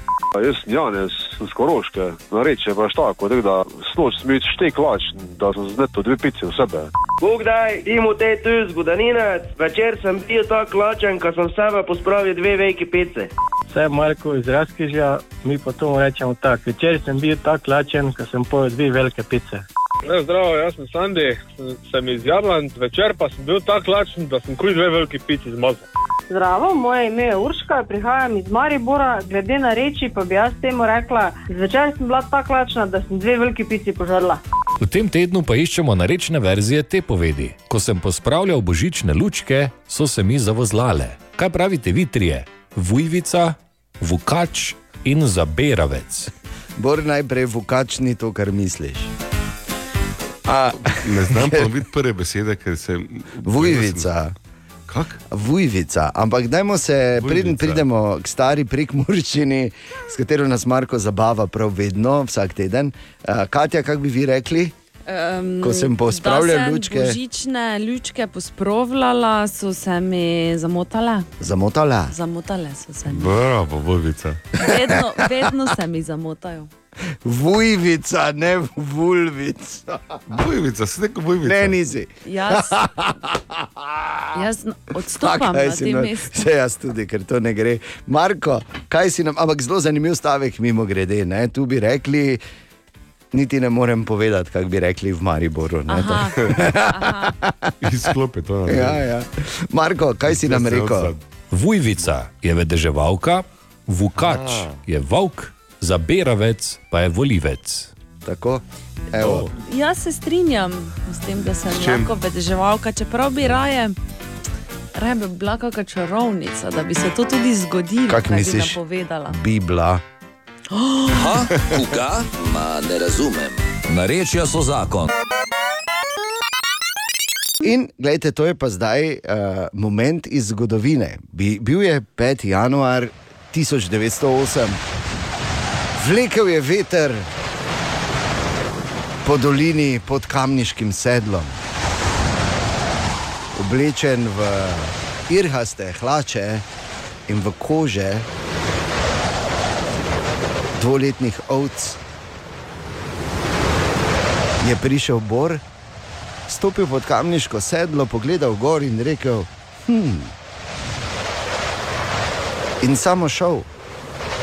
Bila je to prva zimska tura na kamniškem sedlu, ki je hkrati pomenila tudi začetek slovenskega zimskega alpinizma na današnji dan leta 1908.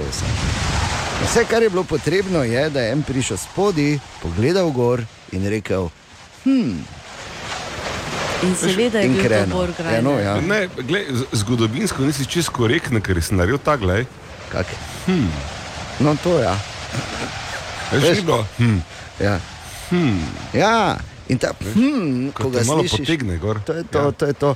to je Ja, ja, v ja. bistvu mednarodni ali pa rec, ker tu živimo, ne, mariborski medved za izziv. Ja. Ne, tako da tudi bodi pripravljena, če kdo gleda proti tebi, pa naredi. Hmm. Te veš, da si izziv. No, ampak vseeno, danes je obletnica, tako da vsi, ki slišite klic gora, da veste, zimski alpinizem v Sloveniji od 5. januarja 1908. Pa srečno, da bi prišli dol. Jaz sicer ne razumem, zakaj je treba gor plaziti, ampak vam želim seveda vse dobro. En disclaimer pred uh, stvarmi, o katerih bomo govorili zdaj, naj povem, da jaz mislim, da je to komplot, uh, Borin se bo še razumel. Okay? Ampak, okay. no, začnimo. Katja, zagotovo ja. ti in marsikatera pozna to, ta, uh, uh, to situacijo, ko se naredi doma. Joj. Ojoj. Oh, eh. Ne, oh, ne morem. Oh, 37, ena pa pol imam. Jaz bom sicer rekla, da hvala vesolju ali komu se naj zahvalim, da pri meni osebno doma ni tako. Svane, ker je zdravje, ne, v dupleku. Ja, tako je. Ja. Ampak, Ampak tudi ne smo poznam Na pa- začetku razmerja še kate. Veš, jaz tudi prvih 32 let nisem kašljal tako. Ja, ja. Ampak sem bil samo tako, no, kaj manjka grlo, kaj je to zdaj. No, zelo dobro pa poznam eh, Poznaš to, ne? ljudi. Ja, ki... au, au, au, au, au, au, au, au, au, au, au. Au, me se boli. Au, au. Umiram. Imam nos ranjen že. Po dveh sekundah pihanja. Ne? Pa ono, tiste, ko rečeš, tako, kaj bi mi, kaj bi mi, Ja. bi mi, bi mi lahko juhico, Ja. juhico. Pa čajeka, pa, pa čajeka. Pa, Ja, ne morem, prešipki sem, da bi Ja. se vstal s posle. pa pol, po, po treh dneh, gledaj. Ono daj mojemu bratu, drugo pa lahko imate. ne." Ja, popolnilec mi, popolnilec mi prinesi. prosim. Ampak, eh, ja, Joj, kako ste bogi. Ja, vse prepričanje je, da pač moški prehlad, navaden prehlad, dosti teže prenašamo kot ženske, pa smo ja. malo bolani. Ampak, in tu zdaj pridemo do komplota, uh, Tanja je raziskala in pravi, da naj bi ta moški prehlad bil zgolj mit. Sej vsi poznamo splošno znano dejstvo, da moški ob najnižji povišeni telesni temperaturi pri 37,2 stopinja obeležijo in ne funkcionirajo, no zdaj več ni izgovorov, termin moški prehlad ne obstaja. Raziskovalci iz Innsbrucka so objavili študijo, ki zavrača, da je moški prehlad smrtno nevarna bolezen. Moški torej naj ne bi imeli hujših simptomov kot ženske, kot včasih znajo sami povedati.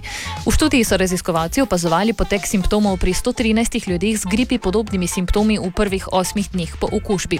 Bilo je 56 odstotkov žensk, povprečna starost skupine pa je bila 41 let. Simptome so ocenjevali subjektivno, torej da so si sami postavili diagnozo oziroma oceno stanja, pa tudi objektivno, ko jih je pregledal zdravnik. No in študija je pokazala, da bistvenih sprememb pri prebolevanju prehlada med spoloma ni, ugotovili pa so znatno hitrejše okrevanje pri ženskah.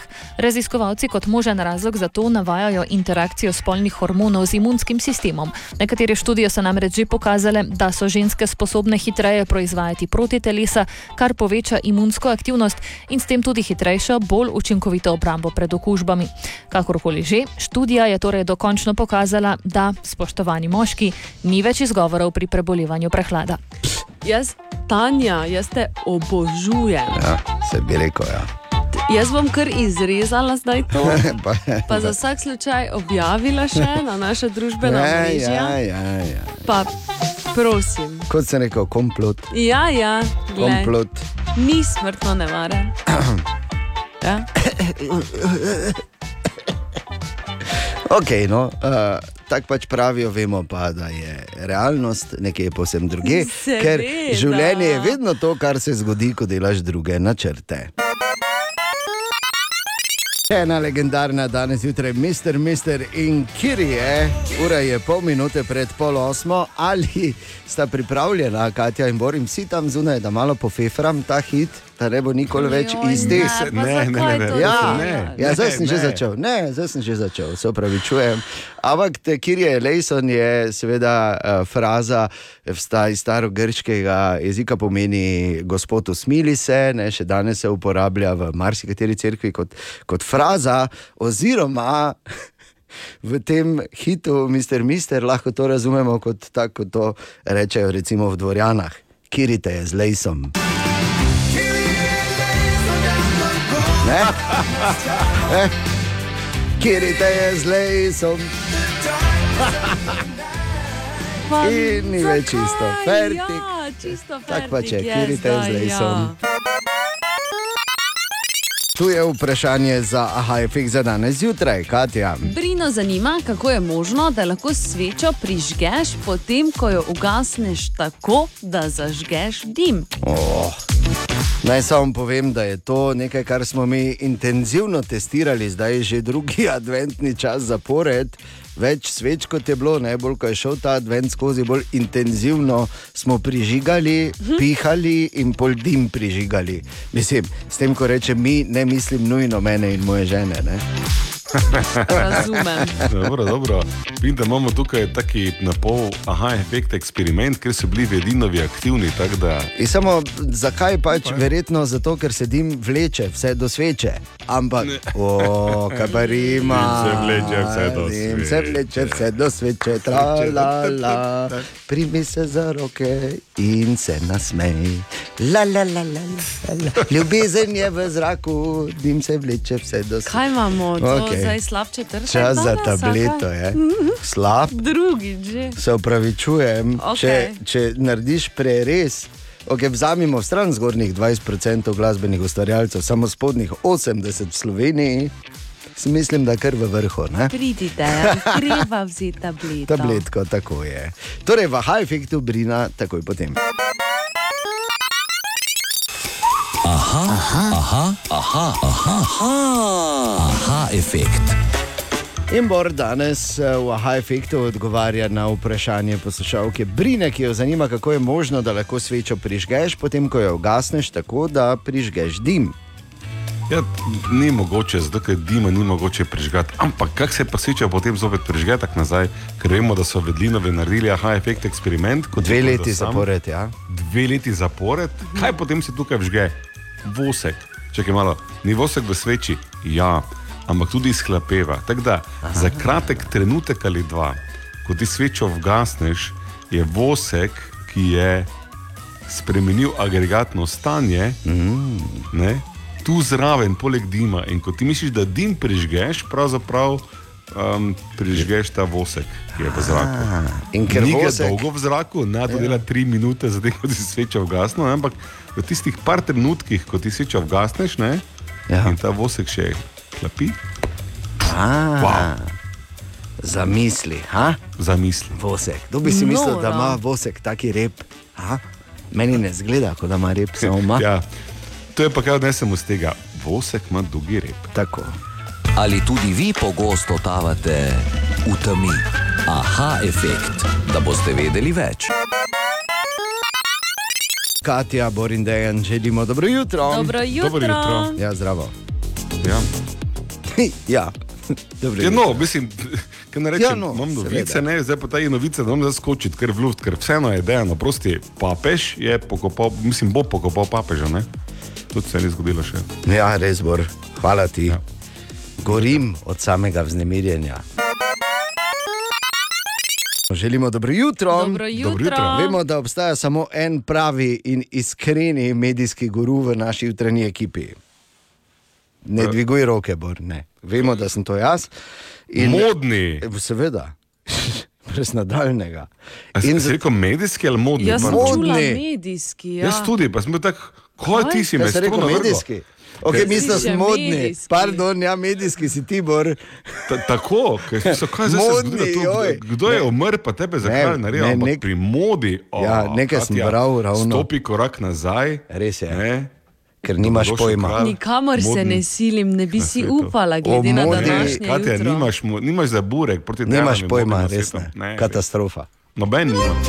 In zato imam tu moje. Uh, oui, oui, oui. Ja, moje ne, to, to so finski folk Niso, muzikanti, ki vedno igrajo v zadju, ko jaz razlagam o modi. ja. Gremo po becih, hajja, hajja. Torej, modi. Hej, hej, moda. No, dajte, gospod modni Ja, guru, da vidimo. poslušajte, kaj boste morali nositi v letu 2023, s poudarkom na morale, bor pri prvi točki, da boste znotraj nekih spodobnih parametrov. Prva, prva modna zapoved je prosojnost. Ne? Transparentnost, Ne, ki upam, da se bo preslikala tudi v misli in izražanja ne. in namene. Še moram enkrat ponoviti. Ja. Bor, za ženske je bilo transparentno, da ne boš prišel z ono majčko spet. Ne? Kaj nam kaj govoriš, Bor? Kam ve, da se ne sliši? Ne, ne vem. Po mojem ne ve, da se ne sliši. Ne. Ja. Ker, Ne, hoda, mislim, moče se boljši, da se me nekaj stvari reče, Katja. Ne. Nehaj, moda je moda. Tako je, transparentnost, Katja, Ja, ja. prosojnost. Mhm. Naj se vidi. To je prva zapoved, prva modna zapoved, eh, ne po pomembnosti, ampak prva od treh, ki jih bom izpostavil, da bi bile v ne, tem zadnjem kriku ali pa vsaj odmevu zadnjega krika za leto 2023. Druga modna zapoved, tam je kar všeč, jeans na jeans. Se pravi, jeans spodaj, jeans zgoraj. Aha. Jakna, recimo, ali pa top iz džinsa, bor top iz džinsa, boš lahko nosil spet tvoj. To je tako malo. Jeans hlače, lepo. 80, ne? Ja. Meni je full všeč, res. Tebi je ful všeč. Ja, no, valjda. Kdaj prideš z džinsom na džins? Dobro, zdaj mogoče ne bo imel džins na džins, samo vsaj en del bo vedno džins. ne? Ja, če je džins na džins, modna Mm. mm. zapoved, kak pol. Glej, jaz včasih pač si malo prikrojim, imam džins pod džins, če razumeš. Aha. Imam, imamo radi, da nas malo, ja. malo čvrsto riba. Ne? In pa tretja, okay. to je bilo zdaj nepotrebno. In tretja modna zapoved za leto 2023, XL pasovi. Se pravi, če imaš eh, pas, mora biti gromozanski. Večji kot je, boljše je. In outfit lepo zaokrožiš v letu 2023, da imaš nekaj transparentnega, oziroma prosojnega, da imaš nekaj iz džinsa in da imaš gromozanski pas. Pas, kot ga je recimo imel Obelix. Recimo, ne?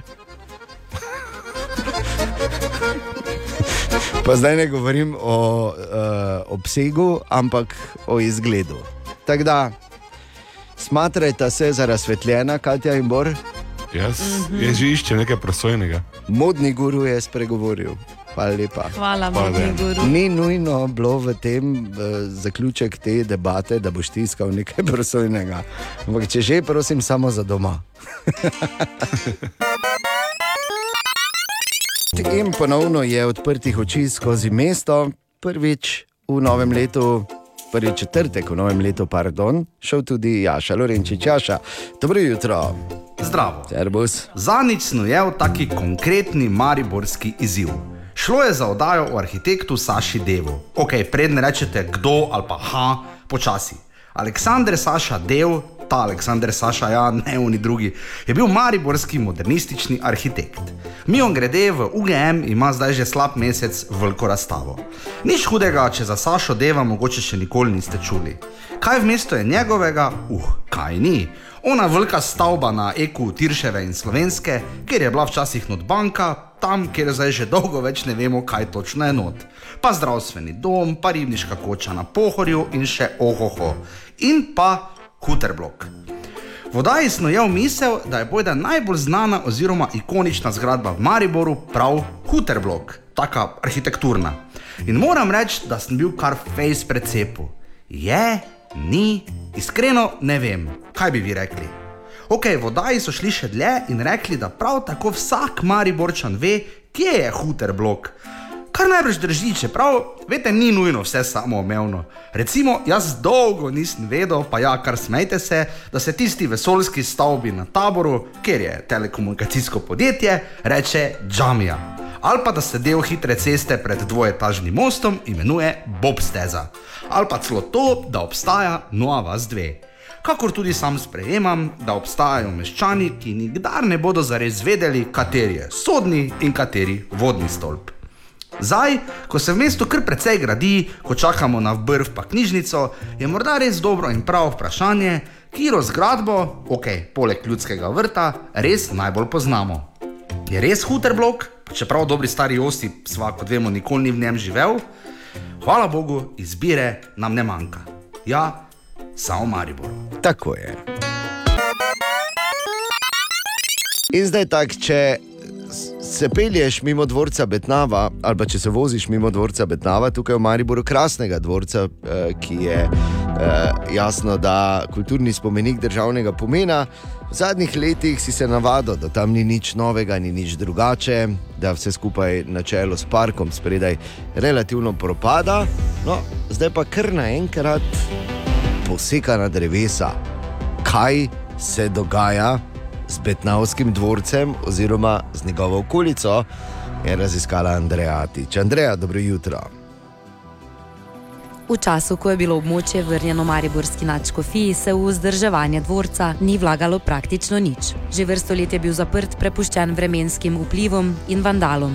Od januarja lani je nova lasnica dvorca in pripadajočega parka družba Dvorec Betnava DOO, katere lasnik je Miha Bezjak, prokurist logističnega podjetja Famaek DOO, ki se na naše klice ni odzval. Smo se pa pogovarjali z Miranom Krivcem iz Zavoda za varstvo kulturne dediščine Slovenije, ki je povedal tako. Novi lastnik je pravzaprav dobil eno dost slabo zatečeno stanje. Tudi uh, vsi, ki so kdaj v zadnjih letih bili tam, so lahko ugotovili, da tudi vode v vodnem jarku ni bilo več, narava je šla svojo pot. Nekaj je bilo že povsem propadlih, na poti propada, nekaj je bilo podrasti, ki je bila absolutno neperspektivna, ne? se pravi, da je nekaj samoniklega tam odganjalo in uh, ni bilo spomeniko primerno Lastnik je strani pristojnih institucij v poznem poletju pridobil vsa potrebna soglasja za sanacijo parka pred dvorcem. Edini pogoj je bil, da se dela izvajajo v zimskem času, ko so poškodbe najmanjše in ko ptice ne gnezdijo.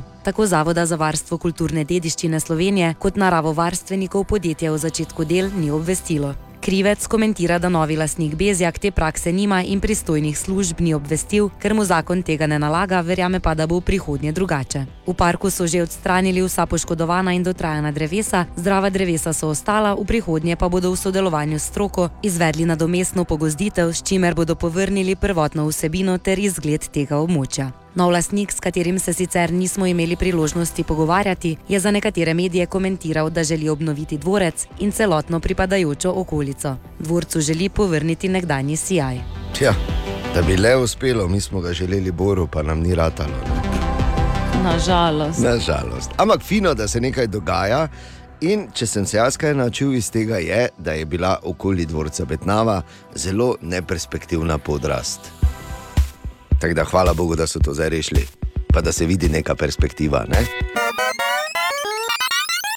Eh, Je pa čas, da spet na brzino pogledamo v zgodovino. Še ena zanimiva stvar se je zgodila na 6. januar, to je danes, mimo grede. Ja. Ampak leta 1848 so prav na današnji dan v Novem mestu prvič uprizorili Linhartovo komedijo Ta veseli dan ali Matiček se ženi. In na ta dan smo torej tudi mi postali pač tudi odrsko osmišljen narod, v bistvu na nek način. Odersko smišljen narod. To, smo, ja, to je pač ta obletnica. Kar je zanimivo, uh, ne, da že takrat, če si se spraševal ali spraševal, uh, ker ko smo se v osnovni šoli recimo, učili o, Li, o Linhartu, nikjer ni bilo njegove uh, fotografije, eh, fotografije, slike, ne, Ja. fotografije, kojn. Uh, ne obstaja, samo en taki obris je bil vedno. Ne? In jaz še vedno ne verjamem, da je to bil Linhart, ker je lahko bil kdorkoli, po eni strani, po drugi strani pa je bilo zanimivo, da tudi takrat eh, niso avtorja videli. Tudi v gledališču je bil samo obris v loži. Ton, ton, ton. Ja, ta. Ampak eh, pomemben, pomemben dan za našo odrsko umetnost.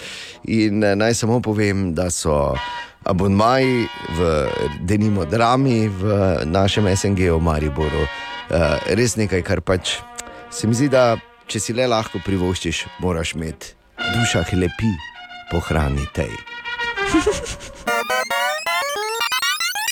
Web, web, web, web check. Katja, dobro jutro. Dobro jutro. Dobro jutro.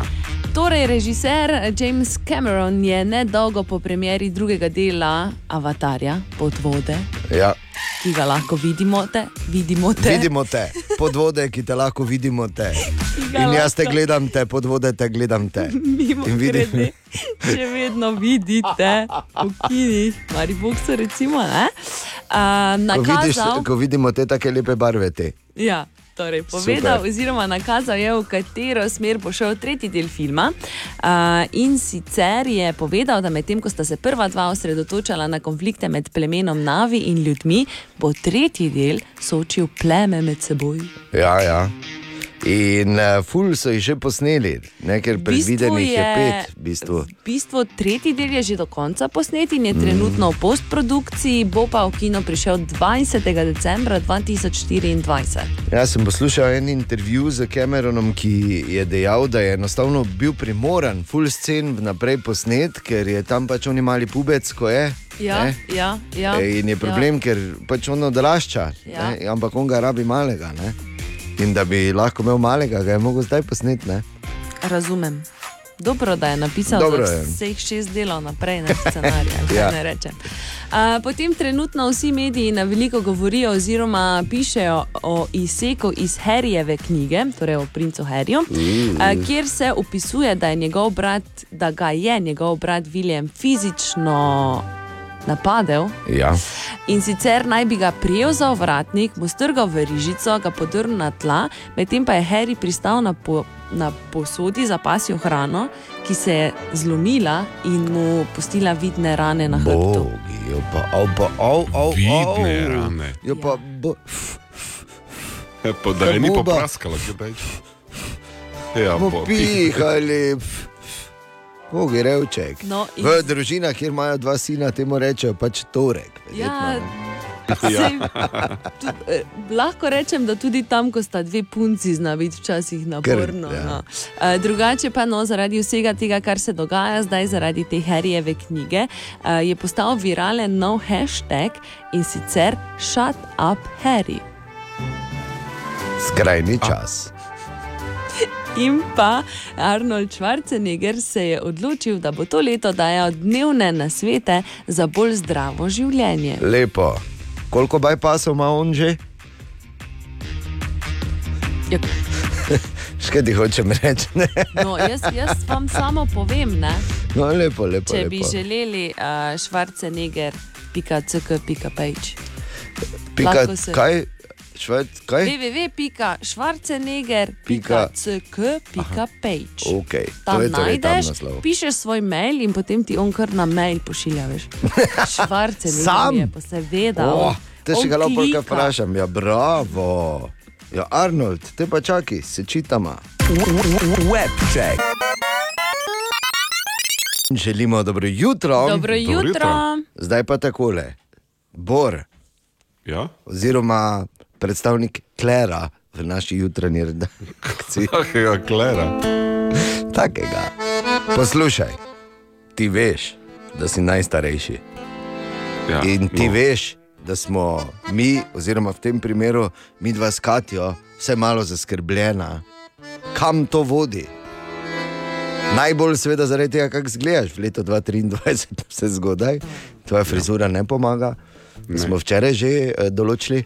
Res. Ampak, uh, glej, mi dva s Katijo sva relativno zaskrbljena. in Čakaj, zato- ustavi se, se malo. Čau, bela, čau, čau, čau, čau, na, na, na, na. Tako, in bi ti rada pomagala. In zato je je Katja, to bolj zanimivo. in je Katja našla par koristnih nasvetov za te, Bor, predstavnik Klera. Torej, Bor. Ekipi. Skrajni čas je, da se začneš prehranjevati zdravo. Ja, Kaj te zdaj? zadnji čas, ne skrajni, zadnji. Ker v bistvu to so nasveti po 50. letu. ne? Tako. Kaj nujno A, okay. moraš narediti, da boš eh, Dočakal- ostal zdrav. Ja, in 54, da boš dočakal to, to je najn cilj. To je rekel Dejan. Okay? Torej, zdrava prehrana. Če se do zdaj nisi zdravo prehranjeval, je torej zdaj skrajni čas za to, zato ker v bistvu, kot vemo, to, kar jeste, vpliva na vse vidike vašega dobrega počutja. Tako. Ključno zdravje tvojih možganov, pardon, Ne, se nehala. lepo, lepo zveni. Uh, najboljše bo slediti sredozemski prehrani, torej hrani, ki je bogata s sadjem, zelenjavo, polnozrnatimi žitaricami in zdravimi maščobami. Ja. Torej, jej svinsko, na kratko. Ne, Li, ravno tega ne. Pa dobro, malo lahko. Okay. Potem moraš paziti na svojo težo. Debelost je namreč glavni dejavnik tveganja za resne bolezni. Tako. Ob tem pa bi opozorila, dragi moj cenjeni sodelavec Zbor, da ni nujno debelost to, kar ti misliš. Tako. Ker De- ni samo res ono preko, preko, prekomerna teža. Ampak so lahko je tudi zatečene. Kila, dve, ne? Ne, zatečene misli so lahko tudi težava. Tudi V bistvu zatečene. kot riba, ne? nas se fejs vidi, ne? ampak fascije pa. Oh. Ja, to vse vpliva na sklepe, namreč. Je. Ne? To so mišične ovojnice, to se ne more zgredi, zrediti. Ja, pri ribi. Jaz sem riba po horoskopu. Okay. Uh, potem je nujno, da najdeš svojo vadbeno rutino, vsak ja. dan, vsaj 20 minut, Ja, Bor. vsaj nekaj. Ne? Slišal, Bor. počepe delajo ali nekaj, ne vem. Tako. In pa, da začneš redno hoditi na preglede. Nič Mm. ni slabega v tem, če No, greš k zdravniku. Boljše, da preverijo oni prej, kot pa kasneje. Ne? Zakaj mi dan kaže mednarodni znak za rektalni pregled? To se pa vidva zmenita. Ja, ker okay. je tam kritično. A ja, pa še če skrivaj, kadiš pol nehaj zdaj. Ja, kadim skrivaj. Skratka, Bor, to so ti na sveti, ki smo jih mi dva zbrala, da pač te prideš, ne 54. Lepo, lepo, pridno. 55 Uh, nekje, se ne? zahvaljujem. Ja. Mi dva Um, naredila vse, kar je bilo Vse. v najni moči. Dlje ne moremo. To je to. Ne moremo na mesto tebe Res telovati. ne, niti nek frizeru id pravemu, mislim. Prvo, skoraj nemogoče vprašanje. Draga Katja, spoštovani Bor, O, veselje. Kdo Ja. ja. je zmagal uh, na zadnji petek leto, me zanima. Dobro vprašanje. Ne, res me zanima, Ne, nisem bila nisem- jaz, ker je- mene ni bilo. Je, ampak ni pač bilo odgovora, nista prišla skozi. A nista? Ana in Bor, ne, ne. ne. Tako da morda bo prvi petek, zdaj ko je Katja nazaj, vseeno spet vzela uh, žezlo nevladajoče v roko, ampak bomo videli. Brez pritiska, ne? Tudi tako. Tudi tokrat vprašanje iz statistike narejene v Evropski uniji, v katero zapademo tudi mi, čeprav dvomim, da je bilo to delano v Sloveniji. Ampak naredili so veliko raziskavo in ugotovili, da si je, pazi, z božičem je povezano danes skoraj nemogoče vprašanje. Vsak ima tri poskuse, jasno, da tudi danes. Um, da si je kar tri četrtine vseh, ki so jih vprašali za božička, želelo to. Ne dobilo, želelo. Govorimo o vseh. Moški, ženske, vsi. Torej, tri četrtine. Kaj je to? Skoraj nemogoče vprašanje. No? Kaj sta kinknila, ali bomo letos še? Če je to je za razmisliti, ja, ne? Je, ne? In čas za razmislek je mimo. Čakaj, zelo veliko ljudi si želi enako stvar, Ja, glede enako. na to, kako si rekel. Kdo je rekel, da je stvar? Mislim, zadevo. Pač. To je samo denar, lahko Denar, ja. Denar sta rekla oba in oba, nimata prav. Ni bil denar. Ampak ja, zelo logičen. Uh, Da si kar tri četrtine isto želi. Potem pa kaj z okni, pa ne. Zokne, tako, kdo si, kdo si zokne želi? Glej, tako dolgo dobiš, da si bolj želiš, ne? Ok, Bor ima še en poizkus, Katja še dva. Kaj, Torej, lahko samo malo tako, ali je to ne, ful? ne, ne, ni. Samo pač niso zokni in ni denar. Prosti čas. Oh, Ne, to ne moreš zanimivo. dobiti božička, ne To nazaj. si vzamem. moraš vzeti, ne, ne moreš nazaj vzeti. Ampak ja, lahko bi si želeli več prostega časa, zakaj ne? Okay, pa, pa, gremo, pa, pa gremo malo v tehniko, recimo Nintendo Switch. Ne? In s tem se je poslovil Bor, veš, da si- Začel sem komaj. Tretji poskus je to bil, zdaj bi se odprla ona vrata in bi že padel v lavo. Pa veš, mimo grede, rekel je prej dejan, tak, da ni stvar, da ni nujno, da je stvar. Tako je. Če sem to dobro razumel. Dobro si ljubezni In miru na svetu. ne, ne, ne, ne, ne. Dopust. Dopust. Ni, ampak si bila pa v pravi smeri, si šla. Mm, Višjo plačo. Torej. In ne. ne. Tri četrtine vseh, ki so jih vprašali, si je v Evropski uniji za božička želelo doživetje. Ja, daj no. Ja. Ker bi mi dva z Borom kadarkoli to ugotovila, doživeti. Ja. Ker se snjaza je kriv, da vidva ne znate Ja, ne, razmišljati. ti si kriv, Ali da pa tako ne. butaste vprašanja iščeš. Želimo dobro jutro. Dobro jutro. Dobro jutro. Danes je 6. januar, sveti trije kralji. Torej... doživetje. Daj mir. In uh, Ja, včeraj. Ja, res je. Neverjetno in hvala Boru, ker ne, niti približno ne bi bilo tako fefrano, kot je z njim. Ne. To doživetje. Tako Ne da fefram sploh hvala. samo to, da, tok, da veš, da sem Juliji poslal SMS, ne moj Juliji, pa ne vem dalje govoril, da prihodne leto naj dajo na pot Jelko čaka zavito doživetje. Tako, lepo. Ja. Lepa želja. Okay, ampak danes so sveti trije kralji, če se premaknemo, prosim, naprej, kar pomeni, marsikdo je včeraj moral dati ven, kakšni 0,3 za pubece ali pa špricer, ko so prišli za pet, zaželeti vse dobro, srečo. In zdaj po novem, seveda, so že nalepke, ki se nalepijo gor, včasih so skredo pisali. Ne, 20, Nalepke se zalepijo. So že nekaj let. 20 plus G plus M plus B, ne, in 23 in tako dalje. In uh, seveda ste slišali same te lepe, uh, lepe crkvene pesmi, stare pesmi, ampak morda je celo zunaj kdo, ki je slišal eno od teh dveh verzij, ki smo jih pred leti v reporterju Milano uh, izpostavili, ko so pač trije kralji, to so pač takrat dejansko bili bratje kralj, ki so hodili okoli in so peli. Ali so zapeli to? Mi smo trije kralji, kralji, kralji, kralji, mi smo trije kralji, kralji, kralji, kralji, mi smo trije kralji, kralji, kralji, kralji, mi smo trije kralji, kralji prav za res. Če nam nič ne date, date, date, date, če nam nič ne date, date, date, date, če nam nič ne date, date, date, date, če nam nič ne date, vdarimo vam not. Naj samo povem, da gre za avtentične posnetke, ali pa so zapeli to. Veš, da nismo vedeli, kakšna dobra tu živi. Pridi ven med ljudi, nehaj skrivati, zdaj se ti. Dobro veš, da mi smo družba, vsak si nas želi. Ko gledam stare slike, kjer še suhi smo bili, trije kralji smo, vse naredimo. O, kak dobra mala si, bodi naša ti, trije kralji smo, vse naredimo. Nara ti ne rabiš dat, daj nam letelo. Tako so včasih ne, zapeli Mhm. tudi za tri krale. Smatrajte se na lepljeni gor. Najprej, seveda, dobro jutro. Dobro jutro. In uh, ta teden eh, je Tina na dopustu, in kot Feniks iz pepela je ostala raziskovalna redakcija. Zelo zanimivo. Uh, mislim, to, ne vem, zakaj niso to novice po celem svetu, v vseh medijih. Mhm. Tak monumentalni dogodek.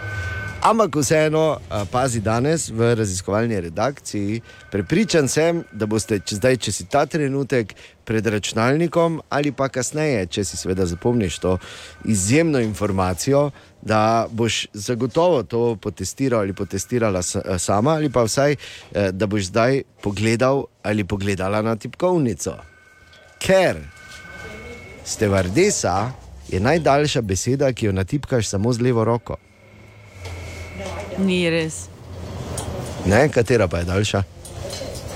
Samo Je- z levo. Ja, jaz je ne napišem, samo z Pa levo. zdaj, če ti ne tipkaš pravilno, zdaj pogovarjamo se tako, se pravi. Okay, kaj je tri, s tremi prsti leve roke s natipka to? Si, ne? Ja, jaz imam T z desno. Bi rekel, ja. Ja, ja. Kaj Ampak, če vzamemo pravilno tipkanje, da imaš uh, roki pravilno položeni na tipkovnico, je stevardesa najdaljša beseda, ki jo natipkaš samo z levo. Prosti, da lahko gremo nazaj malo. Tipko D pritisneš za desno roko. T. Kje pa? Ne? Stevardesa. Ne, ni naravno, ne? Ne. Moramo reči, da. Ubil Ne, sem se skoraj. da Res je, lahko pod- za kazen prinesi eno salamo jutri. Jutri lahko, ja. E, Jutri ponedeljek, lahko. ponedeljek. Vredo, vredo, Ja, kaj si ja, rekel, ja. si rekel. Tu je vprašanje za AHFX za danes zjutraj. Katja. Danes imamo vprašanje Tine, ki je pisala na jutro af na radio city.si in pravi tako: Če bi morala jutranja ekipa nositi pajace, kdo bi nosil kakega? Pazi, pripis. Zabora predvideva, eh, da njegova željena oblika pajaca ni na prodajo in bi se Ja. morda na koncu zadovoljil s pajacem v obliki krokodilčka. E, v vsakem primeru, te je moja želena oblika pa v vsakem primeru s takim pajacom, ko ima ridvun.